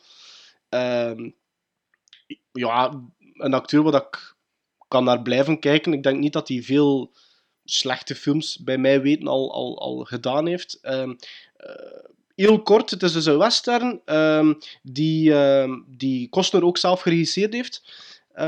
Waar dat hij de rol speelt van Charlie Wade samen met Duval en twee anderen laten die hun vee eh, losgrazen op de gigantische prairies van het westen. En die kiezen voor een, ja, een levenswijze weg van de, ja, de toenmalige moderne maatschappij en, en, en een, een, een levensstijl waar dat een code of honor centraal staat. En eh, ze maken de fout van te dicht bij een bepaald stadje te komen, komen in aanraking met een corrupte sheriff en een, eh, een dito veehouder. En natuurlijk, Western kennende, zit er een, een showdown aan te komen. Hè. Ehm, maar, ehm, dus Koster is daar heel goed in. Eh Duval is daar heel goed in. Ja, Ja. En, en, en dan heb je nog Annette Benning, die de vrouwelijke hoofdrolspeelster is, die ook goed staat te acteren. Die dan misschien wel een, een, een redelijke eh, eh, voorspelbare evolutie het personage van Costner teweeg brengt. Maar het is de manier waarop eh, dat dat overgebracht wordt. En dat is heel solide. En dan heb je nog de bad guys. Zit er een James Russo, zit er een Michael Gambon, die, of Gambon, die de luisteraars best kennen als, als Dumbledore, denk ik, vanaf deel 3 of deel Ja, 4, en- dat weet ik niet. En Eh, de cook, the cook, the thief, his wife and her lover van ja, Greenaway. Ja, ja. ehm, maar dus allemaal hele solide acteurs. En, en Costner en Duval schitteren gewoon. Ja, en daarom vind ik een heel drie. goede keuze, eh, eh, Maarten. Dank u. Is, het, is, is, het is ook een, een, een, genre waar dat Costner zich eh, in thuis voelt. Ja. En een leuk weetje, alleen leuk, minder leuk eigenlijk weetje van die film, dat ik weet van Open Range, Ja. is dat hij eigenlijk eh, zijn Tour de Force van Dances with Wolves een beetje eh, terug wou doen. En, en, en eh, de Academy wou charmeren ook met, met die film. Ik vind het een hele sterke film, maar het budget was op om campagne te voeren. Oei. Ah, ja, ja, ja. En die film heeft dus, eigenlijk, ja, heeft dus eigenlijk geen Academy-campagne gehad, waardoor hij volledig naast de prijzen is gevallen. Want Dus als is film, als film vergeten. is het echt wel een, een, een. Academy-worthy movie. Absoluut. Ja, ik ken die film enkel van naam eigenlijk. Ik heb die nog nooit eigenlijk de neiging gehad om hem, om hem, om hem te bekijken. Mhm. Of, of ik denk dat hij misschien zelf op Netflix staat, als ik Dat me niet vergis. ja, dus weet ik misschien moet ik hem... Allee, ja, staat op mijn watchlist Je kunt er. Ja. niks mee verkeerd doen. Mhm. Door naar Open Range te kijken. Echt niet. Nee. Ja, oké. Ehm, mijn nummer drie, eh, we hebben het er vorige aflevering eventjes over gehad, is eh, A Perfect World. Ja. Eh, een film die ik wel al eventjes niet meer volledig gezien heb, ehm, maar ik weet dat ik toen in de tijd dat ik hem zag, ik denk toen dat hij uitkwam, zeker was het 93, ehm, dat ik die op video gezien heb en de film greep me enorm aan. T- ja, eh, Koster speelt er heel sterk in in die film. ja, ja, en ja, dus. ach, ik, de, dus A Perfect World en The Fugitive, dat, dat zijn twee films die een beetje gelijkig zijn voor mij. Ik weet niet of ze van dezelfde periode zijn, maar het gaat over iemand die opgejaagd wordt. Ik denk de eigenlijk, eh, Fugitive iets vroeger. Of, twee jaar daarna. Ik denk een jaar of twee daarna. Om, maar die films heb ik altijd een beetje als, als niet als een geheel, maar die, die, die klitten altijd wel samen in mijn, in mijn gedachten. En ehm, ja, A Perfect World blijft toch wel een van mijn favorieten van, van Kevin Costner. Ik kan nu wel zeggen, ik heb mijn top 3 opgesteld, meer als films op geheel, niet per se eh, hoe Kevin Costner ja. er per se in, in voorkomt. Maar dan Allee, denk ik dat toch film- Perfect World dat hem er heel straf... Want die heb ik nu onlangs toevallig Ja, eh, teruggezien. ja. Hadden we het Eh, ook over, hè, vorige aflevering ja, even. En, Ja. en er, er speelt hij toch wel heel sterk in. Ja. Eh, Ja, ja, sowieso. Ik denk dat dat ook een van de redenen is waarom dat Ja. mij destijds enorm aangegrepen heeft. De, Wat er mij ook heel hard de chemie opvalt- tussen hem en, en de, de, Op het einde wordt hij doodgeschoten, zeker. Hè? Of, hoe of in het begin. Of, eh! Ja, zo begint de het niet fi- meer. film begint zo. De film begint met het einde. Ja. Ja, ja. Wat dat mij ook heel opvalt bij die Perfect World, nu met hem terug te zien, 20 jaar, of meer dan 20 jaar na de eerste keer dat ik hem gezien heb.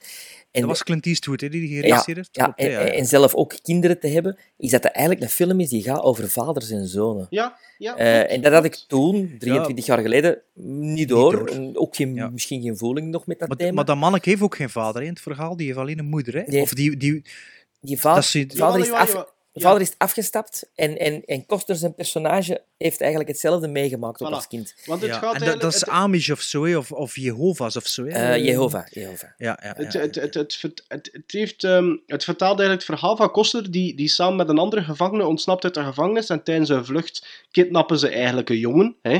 Eh, maar Koster, na, na, na verloop van tijd, smeet hij eigenlijk een band met die jongen. En dat komt dan eigenlijk inderdaad eh, tot uiting dat hij... ehm, Stockholm-syndroom. ja, ja, Ik ja. het ook nog zeggen. En, en dat Costner zelf een, een, een, een, niet al te goede jeugd gehad heeft met een, een nogal hardhandige vader, waardoor iedere keer dat hij nu zoiets opmerkt, redelijk agressief en eh, ge- eh, geagiteerd reageert. En dat is ook een... een van de beste scènes is wanneer dat ze daar even hij samen met dat jongetje te gast zijn in een zwart gezin. eh, Met een vader die ja. nog wel losse handjes heeft. En wat er dan gebeurd is. Ja, dat is een echte straffe scène. En sterk geschreven ook. eh, goed Ja. geschreven. Ja. Eh, dus ja, zeker. hè. Eh, Perfect World, ja. Mooi, mooi. Ja, dat is mijn nummer drie. Oké. Mijn nummer twee was een hele moeilijke keuze. Omdat er wel verschillende titels op nummer twee zouden kunnen staan. Ja. Maar die, die hou ik dan als honorable mentions. Ehm, maar ik ga toch gaan voor mijn favoriete western aller tijden. Het is zelfs een film die in mijn persoonlijke top 10 beste films aller tijden zit. Silverado. Oké, ja. Sil- ja, Silverado is een beetje de, de kentering geweest voor de carrière van Kevin Costner, omdat eh, Lawrence Kasdan zo'n schuldgevoel had dat hij hem in de Big Chill eruit uitgeknipt, maar hem wel had onthouden als goede eh, jonge acteur.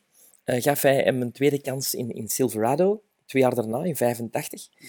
Ehm, en daar zien we een Costner, een, een, echt een, een, ehm, een, een, oh, een beetje Mel Gibson-achtige, eh, wacko, eh, jonge cowboy. Schiet graag, ehm, is met de, met, de, met de meisjes bezig en is een beetje de, de jolige van de bende van vier in Silverado. Hm. Ehm, ook de jonge gast, eh, degene die altijd wel zichzelf in problemen en in nesten werkt. En, en een hele leuke Kevin Costner, die, die je daarna misschien niet meer zo dikwijls hebt teruggezien eh, in dat soort rollen. Ehm, maar Silverado op zich is, ja, is een dijk van een film. En, en als je hem nog niet gezien hebt, zeker zien. Beste western voor mij, ah ja, ever. Wie, wie, spe- wie wie, heeft- wie speelt er dan nog in mee? Danny Glover, ehm, eh, eh, Scott Glenn, Kevin Kline, Brian Dennehy, Jeff Goldblum, ja. John Cleese. Ah, ah, ja, oké. Ja. John Cleese, ja. ja. Ja, echt- Niet gezien of wat? Nee, echt. Ik heb Wat? hem nog... Nee, ja, echt waar. Maarten, als western-fan. Ik weet het, ik weet het. Bart, Ik heb jij hem gezien? Nope. Staan hier Texas Chainsaw Massacre Ja, niet oké, gezien. maar nou ben ik zot. Echt waar, Silverado. gaan we zo beginnen? Nee, maar ik bedoel, Ja. je moet je zien, je moet je zien. Halt die op Blu-ray, dat is een, een onwaarschijnlijk goede film. Maar en... en, en, En moeten eens een keer in, hem in onze nek draaien met een Stockholm-syndroom, hè. Wauw, Maarten, dat is western-fan. I know, Allee. I know, I know. Maar zeg, Sven, ik begin ook wel met een western in mijn top 3, hè? dus ik moet mij een Ja, klein ja, dat is beetje waar, dat is vergeven. waar. Zeg maar, nee, maar wat, wat voor runtime heeft die Silverado? Is dat lang? Ja, iets meer dan twee uur. En, eh, en, en Costner zijn rol, is dat een hoofdrol of is dat zo meer? Het is één, één van de vier hoofdrollen. Toch, ja, oké. Ja. oké. Ja. Ik, ik wil hem al lang zien, ze, maar ja. Moet hem, moet hem zien. Echt Ja. topfilm. Oké, oké. Oké, wacht. hè. Eh, mijn twee is eh Bart zijn drie. Eh, A Perfect World. Ehm, ja, ik denk dat we daar niet te veel meer... Het enige wat ik daar nog over wil zeggen, is dat A Perfect World, qua story, is dat eigenlijk een relatief mager Klein beestje, hè? Ja. Het is nu niks dat het, niet dat er daar echt grootste dingen gebeuren. Wanneer het had, je kunt het op één zin en één zin Voilà, ja, voilà, Mhm. klopt. En, en, en, Boef kidnapt kind, kind eh, eh, krijgt allee, vaderschapsrelatie met Boef. ja. en omgekeerd, ja. That's ja, it, hè. ja, Ja, en omgekeerd, ja. zo. Maar toch, en dat is, dat, is, dat is het verschil met mijn drie, is dat Costner hier als, als, als enige echte protagonist een dijk van een prestatie neerzet. Dat is waar. Eh, Ja. En daarom staat hij bij mij op, op nummer twee. Dus voilà. Oké. Ehm, mijn nummer twee is... eh, we hebben het er nog niet over, we hebben het er wel over gehad, maar het stond in niemand zijn... Is die Untouchables? Sven, was dat Ja, dat is- drie? Dat was met een drie. Dat was met een Ah, drie. ja, ja, ja, toch. Ja, ja. Ah, wel ja, veel meer heb ik er ook niet aan toe te voegen dan eh, dat ik niet vind dat dat een 80s feel heeft in vergelijking met, eh, met alle andere, alle andere Kevin Co- ehm, eh, Brian De Palma films. Hè. Ja. Oké. Ja, ik toon nu eventjes eh, de hoes van Silverado. Ja. We kunnen dat ook op het internet zien. zeg. Bomba Kremlin.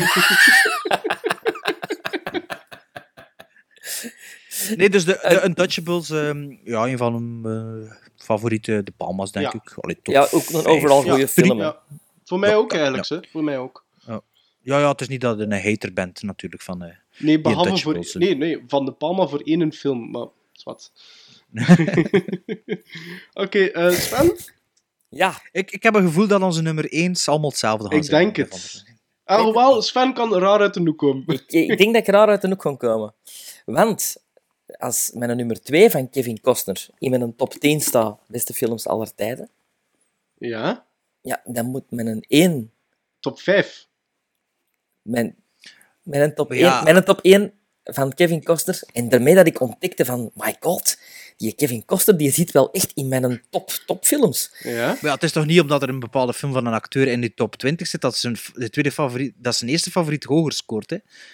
Ehm, ja, hier toevallig wel. Want, Ja, ja, want- toevallig want zijn maar dat is niet per dat is se, niet per nee. se, dat is waar. Maar zijn er- eh, Kevin mijn Kevin Costner nummer 1 film is mijn tweede favoriete film aller tijden. Oké. Dus dat is, dat is voor mij, een, die staat in mijn top 3 op de, allee, tweede plaats. Zeg het. JFK van Ja, Oliver ik Stone. dacht het. Ik dacht het dat jij... J- Ik dacht het. ja, ik ben een grote Oliver Stone fan. Ja? Eh, voor mij ook eh, ja, een van de beste regisseurs. Eh, en JFK... Dus toch na Platoon. Hè? Eh, ja, ja. ja Heeft nou, de rol toch, eh, voilà, ja, ja, voilà. ja, ja, Ja. Zo zie je maar. Hè. Eh, maar JFK is echt een, een, een topfilm. Ehm, heeft voor mij een, een, een, een, oh, een heel het beeld over de Kennedy assassination ook helemaal bijgedraaid. Hm. Ehm, Je dacht dat Lee Oswald was, of wat, voor de film? Eigenlijk wel. Ja, ja eigenlijk. Ik was nog heel... In 92, ik was, was eh, 18 jaar, denk ik, als de film is uitgekomen. Of, of 17. Dus ik, ehm, eh, ik, ik, ik... Heel die conspiracy theorie die erachter zit. Al die acteurs in die film, die allemaal op... Zelfs de kleinste rollen zijn ingevuld door, door, door, door Klappers. fantastische acteurs. De Magic Bullet Theory op het einde van de film, die Kevin Costner uit de doeken doet, dat is een monoloog om van te dromen als acteur. Ehm, hij doet er echt een courtroom scene. Fantastisch. Ehm, het is een beetje in het verlengde van zijn rol in The Untouchables. Maar het is Ja. ja. nog straffer, vind ik. Ja. Maar ja, met de familie inderdaad, als hij op de porch zit. En, Ja. eh, Ja. Ja. dat- dat die... Ja, ja, ja, ja. Ehm, Ik, vol, Ja. ik, volg u, ik volg u, maar het is toch mijn nummer 1 niet. Oké. Ja, Ja? Dan weet het wel, hè. dan weet ik het. Ja, dat was met een honorable mention waarschijnlijk. Fandango. nee, mijn nummer 1 is Dances with Wolves. Ja, ja. Eh, geregisseerd door Costner, speelt er de hoofdrol in, heeft zeven Oscars gewonnen, waaronder, allee, de zeven zijn eh, Best Picture, Best Director, Best Screenplay, Best Cine- Cinematography, Best Sound, Best Editing en Best Music. Ehm, een drie uur durend epos. Er Ehm, bestaat, een, er bestaat een vier uur durende versie. Ah, dat wist ik zelfs niet. Ja. Ehm, die voor mij nooit verveelt. Vertelt het verhaal van eh, Lieutenant Dunbar. John Dunbar. Ja. John Dunbar. Een soort van accidental hero tijdens de burgeroorlog. Die eh, een postje wel bemand daarna in, in het westen. Maar als die in dat fort eh, aankomt, blijkt dat volledig verlaten te zijn. En dan om, om het heel snel misschien te, te, eh, samen te vatten. Hij ontmoet ja, moet er geen drie uur duren. Nee, voilà. Hij ontmoet, hij ontmoet onder andere een, een wolf, die even zijn beste vriend wordt. Dan ontmoet hij nieuwsgierige indianen, komt hij in contact met een stam, ontmoet er ook, of leert een blanke vrouw kennen, die door de indiaan werd opgevoed. En, en wordt zo gegrepen door, door het ganse, de levenswijze, dat hij door een andere bril leert kijken. En dan het conflict van de film zit hem eigenlijk dat hij besluit ook om die stam te beschermen, dat hij eigenlijk alle sporen die daar naartoe zouden leiden, zou kunnen leiden, wel, wel wissen. Maar daarvoor moet hij terug naar dat fort, want hij heeft er zijn dagboek over geschreven, die daar nog ligt. Maar als hij daar aankomt, eh, is dat fort opnieuw bemand door soldaten. Hebben ze dat dagboek gelezen, wordt hij aanzien als deserteur, als verrader. En dan ehm, ontstaat er eigenlijk een clash hè, tussen de twee kampen. En, en, en daar eh, draait Dances with Wolves om. Maar eh, ja, ik vind, dat, ik vind dat een fantastische film. Ik, vind dat, ik denk dat dat showcase, showcases zijn ability als, zowel als regisseur en als acteur. Mhm. Ehm, Mhm. En ik denk dat dat het, het, voor mij het perfecte plaatje is. Als, en dat definieert Kostner eigenlijk. Dus daarom Ja. is dat mijn nummer 1. True. Ja. Ja. Ehm, ja, ik, mijn nummer één, ik ben eh, ook een eh, grote fan van Amerikaanse, de Amerikaanse geschiedenis. Dat heeft me altijd al gefascineerd en zo. En, eh, ik vind dat, ja, dat, dat kan me altijd wel boeien. En als ik daar iets over zie, of een film die daarover gaat, is dat altijd wel een, een pluspunt voor mij. En mijn favoriete Kevin Costner film is By Far. Dus de, tussen de Untouchables en deze is het JFK. Ah, Dus, toch? eh, ah, dus was ja, ik ja, eigenlijk de old one out. Hey, Bert! Oh, Jesus. Maar, Nee, nee, ik vind, ik JFK een de- supergoeie film. Ja, ik ook. Ja. Ik vind dat, eh, dat Ik heb die ook gezien toen dat die uitkwam, maar niet in de cinema. Ik denk, was dat 91, 92? In 92 dacht ik, ja. Ja, en ik heb die, denk ik, vlak daarna eigenlijk al op video gehuurd en gezien. Oké. En, en dat is iets dat me altijd gefascineerd heeft, de moord of JFK. En ja, die film heeft me inderdaad ook veel meer bijgebracht. Maar ook het feit dat, de, dat die rechtszaak weer in de belangstelling kwam, dat dat Ja. opnieuw een rechtszaak geworden is zelf. Dat die Silver Bullet-theorie ook toegepast is op die, op die rechtszaak. En allee, ja, dat, we gaan er nooit de waarheid achter kennen natuurlijk. Hè. Maar gewoon ook ja, hoe dat Kevin Costner daarin speelt, inderdaad, dat is echt een tour de force van je welste. Mm. De, ehm, ja, ik, ik heb die film vorig jaar of twee jaar geleden nog eens eh, gezien. Alleen het meest recente keer dat ik hem gezien heb. En dat blijft gewoon overeind. Dat, blijft, dat, dat is ook ja, een film die ook spannend is op een, een slow burner manier. Je hebt dan de, de scènes met de CIA of, de, of wie dat ook is, waar dat Joe Pesci dan Ja. bij Mm. betrokken is. De, de Donald eh Soderbergh, die, eh, ja, hoe noemt hij weer, speelt. eh allee, die, die, die informa ja, Sutherland, Donald. Sutherland, ja. Ja, wat zei ik? Sutherberg. Ah ja, Sutherland, ja. Ehm, ja, dus dat broederbeeld die erin ertussen zitten en zo. En eh, ja, ik vind dat misschien zelfs Oliver Stone zijn beste als ik... eh, eh, ja, misschien zijn er wel beter, ik weet het niet, maar... Ja, een, een, een film die toch ook drie uur duurt of zo. En die, Ja. Maar ik ben blij dat ik met Bart eens op dezelfde lijst iets zeg. Dat is een... Ja, dat ik is had, het niet, ik, had, ik had het niet gedacht. Ik dacht, ik dacht dat Bart ook voor Dances with Wolves zou gaan, eerlijk gezegd. ik vind Dances with Wolves een mega kutfilm. Ah, nee, nee, dat vind ik net niet. Nee, ik vind, allee, Is het ik heb die wel gezien toen dat het, ik vind dat zo saai, maar Ah, ik niet. moet nu wel zeggen, ik heb die gezien de laatste dag van CM-kamp, toen dat ik 12 jaar was, op het groot scherm, als ze een videocassette afgestoken. Jongen, eh, dat interesseerde ons niet. We zaten dan een, een, een vent in een vlakte te zien, die stond te, te, te- ja, gewoon in een wigwam te zitten en zo. En eigenlijk sindsdien heeft die film afgedaan bij mij. Dus ja, misschien eh, als, eh, ja, als volwassene dat ik die film nog eens een Ik zou, ik zou hem nog een keer, ik, maar, ik zou, drie ik zou hem uur, nog een keer uit man. bekijken, Bart. Ja, ik zou Ja, dat doen. Dat, dat mag u niet storen, maar als je drie uur kunt kijken naar JFK, waarom zou je dan niet drie uur naar Ja, Dances with Wolves dat kunnen vind ik ook. kijken? Omdat ik Dances with Wolves al gezien heb. Ja, maar als 12-jarige Pak snot dan, ineens, pak dan ineens de vier uur, de director's cut.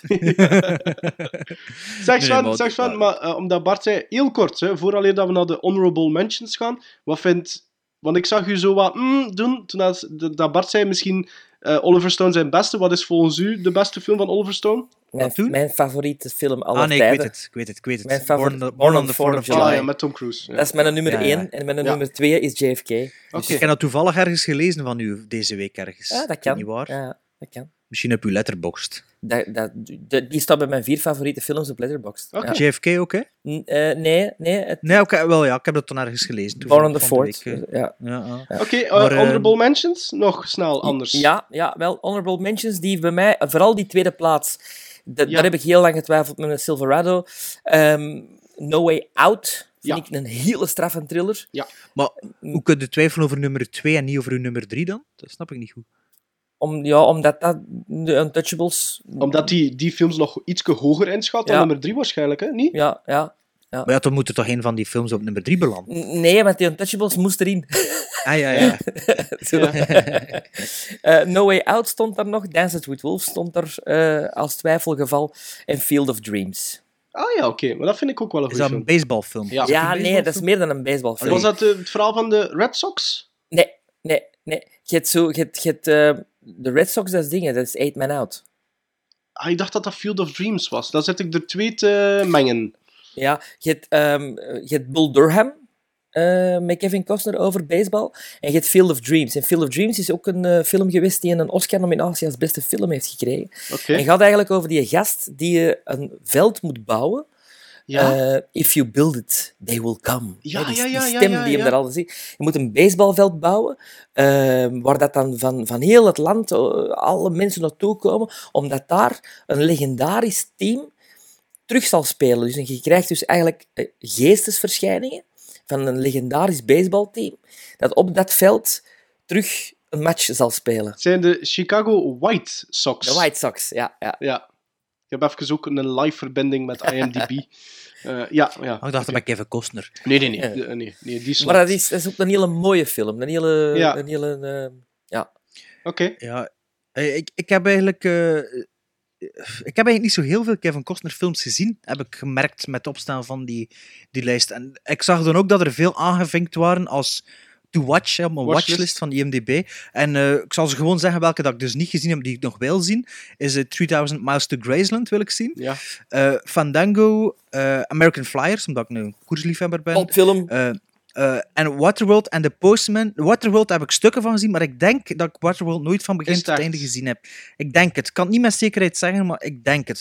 En, eh, en The Postman heb ik ook niet gezien, maar die wil ik eigenlijk wel opnieuw Ik zien. vond die omdat- ook niet beter, slecht. die is beter dan Waterworld. de Ik vind die Ja, zeker niet slecht, de Postman. Ja, ja, Echt ja. niet. Nu, nee, maar ik heb er al van iedereen al gehoord dat dat gewoon een beetje de perceptie was Ja. destijds, omdat de man van, van Dances with Het Wolves nog een keer opnieuw eh, wou doen of film- zoiets. Ja. een film ging maken en dat iedereen daar wel een beetje teleurgesteld in was. En, allee, ik wil die zeker al nog eens zien. En mijn vriendin was ook enthousiast over Kevin Costner. Ze zei, ja, de beste film van Kevin Costner is Waterworld, zei ze vandaag. Dus eh, ik zeg, ja, we gaan die een keer kopen hè, dan. Ja.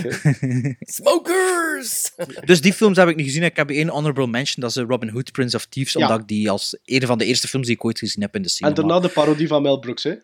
Ja, maar ja, voilà. Eh, mijn honorable, men- honorable mentions waren de films die opgesomd zijn door jullie in de top 3. Dus je hebt eh, JFK, je hebt The Untouchables. Ehm, een ander film dat ik nog wou aanhalen was Mr. Brooks. Want ik heb dat juist gezegd, eh, zijn laatste, voor mij, goede rol, goede film. 2007. 2007, Mr. Brooks. En eigenlijk in het verlengde van wat ik gezegd heb op mijn nummer 3 van Open Range, als die, als die moet acteren met een andere klassebak.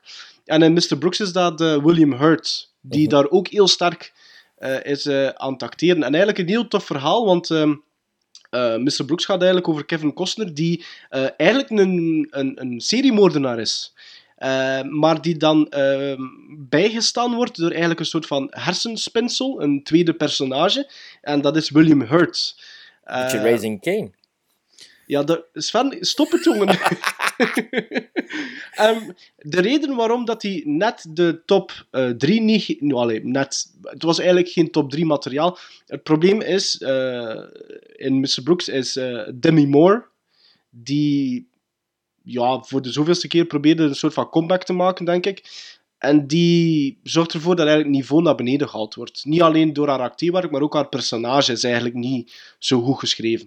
Maar dat wil ik zeker ook nog bij de honorable mentions steken, want eh, de, eigenlijk best wel voor, voor, voor het samenspel tussen Costner en, en Hurt is echt wel een toffe film. Dus ehm. Ja. een tof thrillerken, zonder, ja, weet je, scrupuleus. eh. Ah, is dat een, ik dacht dat dat een comedy was. Op de Nee, nee, nee. nee. Wat, het probleem is, eh, waar dat je door zou kunnen twijfelen, is omdat er daar een, een Dane Cook speelt daar ook in mee.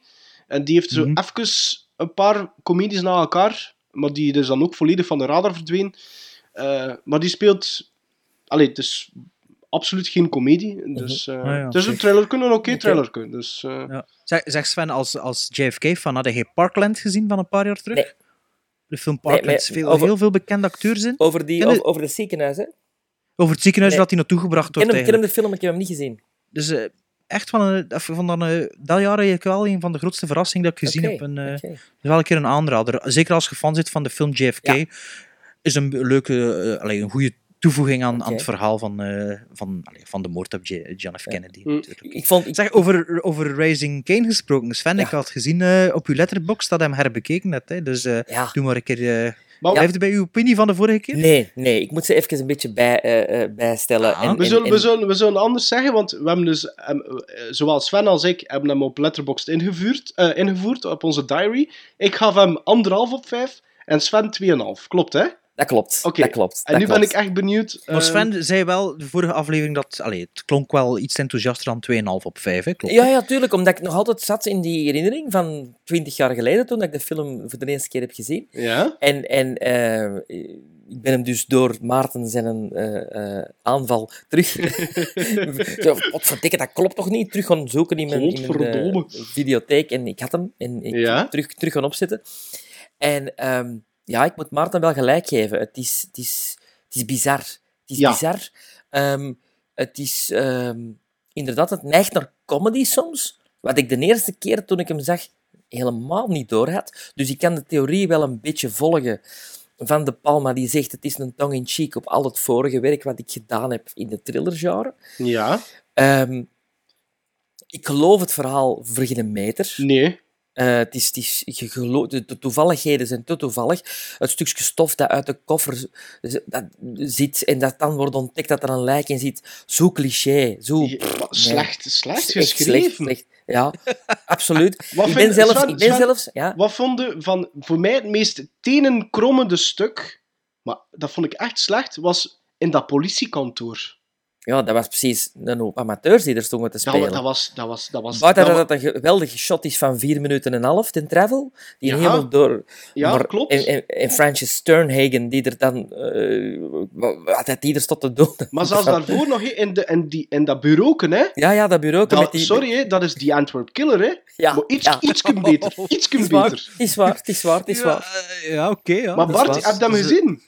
Nee, maar ja, kom, is het hier wel de Palma te vergelijken met de... Ja, maar nu eh, zouden- van, de- nu van de veld. dus misschien een klein beetje maar bij de haren getrokken, maar het is echt slecht, ze Bart. Slecht geacteerd, inderdaad. Maar... Nu gaan we het horen, nu gaan we het horen. De soundtrack. Wacht, wacht, ja, wacht. Onder andere, ik, ik dacht van, ik ga voor, voor deze aflevering dan toch de score van Raising Kane erin steken bij mijn The Hills Are Alive eh, Ah ja? seg- ja? segment. Ik heb dus de score ook. Ik heb die terug beluisterd. En ik vind zelfs de score niet goed. Op een Ah, of andere... oei. Nee, ik vond die vroeger wel goed en ik vind die nu niet meer goed. Oké, maar En wie was dat, de score? Tino Donaggio, degene Ah, die ook de prachtige score heeft gemaakt voor Dress to Kill. De andere, de En Palma wanneer film. ik laatst, de, laatst die soundtrack hoort van Dress to Kill? Die, die is wel goed, hè? Vind je? Ja, ja, die blijft goed. Ja, die blijft goed, die blijft goed. Ah, oké, waar, oké. waar, waar, waar, waar zit u 2,5 dan? John Lithgow. Ik serieus? vind John Lithgow... Ja, nee, nee. Ik vind John Lithgow het enige van heel de film dat overeind blijft de- na twintig jaar. Ik vind, dat, ik vind dat absoluut niet slecht gespeeld. Karikaturaal, Ja, absoluut. maar... Ik kan snappen wat hij zegt, dat hij het lichtpuntje is. En dat, is- dat, ik snap u. Want als ik dan één iets zou moeten zeggen van waardoor, waarom blijf ik kijken, is het inderdaad John Lithgow.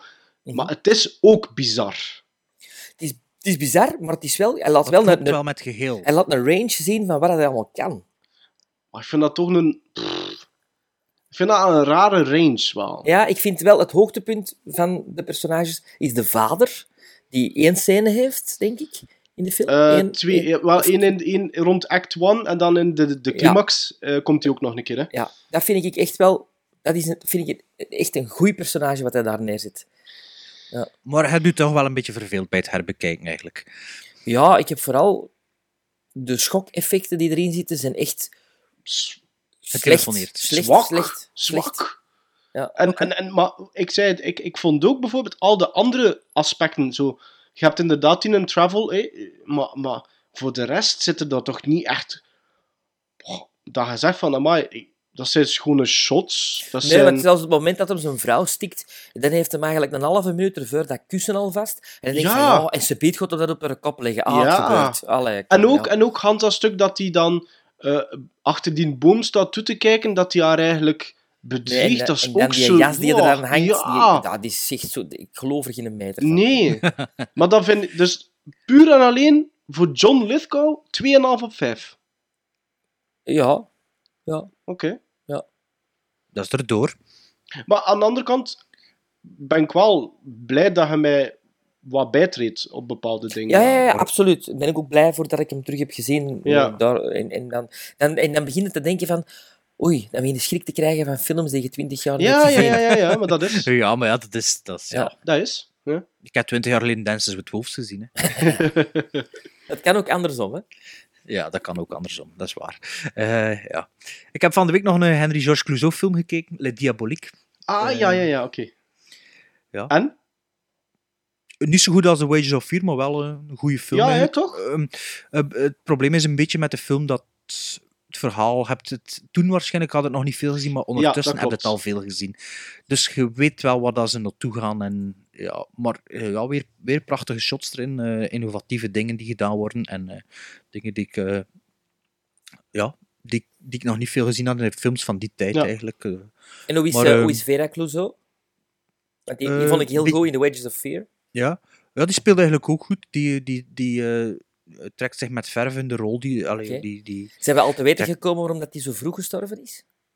Eh, nee, maar dat is misschien een, iets voor eh Maartens Melons Meetjes mee. Ja, want ik ben toevallig, Bart, eh, gisteren beginnen kijken en ik ga vanavond verder kijken naar eh, ehm, eh, de Romy Schneider, Inferno. Ah, ja, ja, ja. ja. Eh, van Georges-Henri Clouseau. En, ik, En, en ga er nog verder kijken? ja, is ja, te- ik ben is te lastig nee, voor u? nee, nee, nee, nee, Ik, ben, ik ben gefascineerd door de man, eh Clouseau, als, als, als, als mens en als regisseur. Ik, vind, ik, ik ben echt geïntrigeerd. Ik vind het echt eh, een boeiende figuur. Ja, ja, ik vind het ook een goede document. Een beetje, gezegd, beetje eh, een Kubrick-achtige figuur, zo. Een, een zot, eigenlijk. Ja, ja. Die zo... Ja, een beetje maniacaal. Ja, tot het eh, op- uiterste wilt gaan. Voor, voor... Dus, maar ik weet nog niet de, de, de geweldige twist naar het einde toe dat jij zei. Van waarom dat de film dan uiteindelijk... Ja, er is geen geweldige twist. Hè. Ah. Dus, dus ik kom het wel te weten, maar Ja. het is niet de, dat... eh, het is een goed eh, opgebouwde documentaire, vind ik. Ja, en de beelden zijn ook prachtig. Ja, Hè? ja. Ook de, zowel de cameratesten als de beelden die eigenlijk niet in de film gebruikt zijn. Dus ja, gelukkig hebben we het, eh, deze aflevering nog even over uh, Henri Georges Clouseau kunnen hebben, hè, onze nieuwe geld. Held, bedoel ik. Ik heb nog een pareltje gezien eigenlijk eh, in, in, in de voorbije week. Alleen een pareltje, een klein, toch, toch een klein pareltje. Van een film die hier volgens mij niet in de, in de cinema is eh, beland, of toch heel kort. Eh, maar ik zag hem passeren op, op Prime. Ehm, Black Sea. Met Jude Law. Nee, ken ik niet. En nee, waarom zeg ik een pareltje? Omdat als je, als je houdt van een, van een degelijke no-nonsense avonturenfilm in de stijl van... ehm, de Jude Law in een de- de- avonturenfilm, Ja, ja? ja, wel. De Seawolves of North Sea Hijack, zo van die jaren tachtig films, of, of eh, de, de, de, de Guns of Navarone, zo Ja. van dat, dat, soort, dat soort films. Oorlogsgerelateerd, of, of toch een beetje... Ah, wel, dan is de Black Sea echt wel een, een aanrader. Het is een... eh, Dat is, dat is van Kevin McDonald, zie ik. Het is eh, van- het is van Kevin Van McDonald. de man van... Van allee, The Last- King of, Last King of Last King of Scotland. Last- Ja. Ja, Last King of Scotland. Maar Jude, Jude Law is, is voor mij altijd eh, nou, een acteur die ik niet altijd even graag zie spelen. Mm. Maar in The Black Sea, wat het nu doet, dat is toch een... een, een zo zie ik hem het liefst eigenlijk, in van die, van die eh, no-nonsense, badass rollen. eh, en in plaats van in de romantische... eh, eh, Ja, ja. Clive Beck. eh. ja. Dus een, eh, een, een aanradertje eigenlijk, Black Sea. Oké, ja, ik, ik had er nog niet gehoord van de film. Allee, ik- vooral als Kevin McDonald is. Ik vind like, dat van een goede regisseur is. Een Bob Marley documentaire vond ik goed. Oké, eh, ik zal even in een kleine notendop dan zeggen waarover het gaat. Misschien worden dan zeker getriggerd. Er is nazi-goud dat op de bodem van de Zwarte Zee ligt in een eh, Russische eh, submarine. Want volgens de fysica is het gewicht van, eh, van goud zwaarder dan het, het soortelijk gewicht van eh, zout water. Dus dat zinkt naar de bodem van de Black Sea, dacht. Ja. Sorry, vertel me verder. Dus dat nazi-goud was eigenlijk onderweg eh, naar Stalin. Eh, het, is, eh, het, is, het een Russische onderzeeër of een Duitse onder- Dat ben ik even kwijt. Geval, Het was onderweg naar Stalin om een soort van eh, truce eh, te hebben tussen beiden. Maar onderweg is die een eh, submarine gezonken, waardoor dat, eh, de Sovjet-Unie zich toch heeft gekeerd tegen eh, eh, Hitler. Dat is de, de, het fictieverhaal. Ja. En, en dus gaan ze op zoek naar dat nazi-goud. Eh, een soort van eh, dirty dozen bunch. Eh, en wat er dan gebeurt, dat is natuurlijk eh, een, hele, een hele leuke rol van Ben Mendelsohn in deze film. Oké, hebben we het verkocht, hebben het verkocht. En bij deze hebben we dan toch nog een What Did the Watchmen Watch eh mini-versie eraan hè? geplakt. Hè?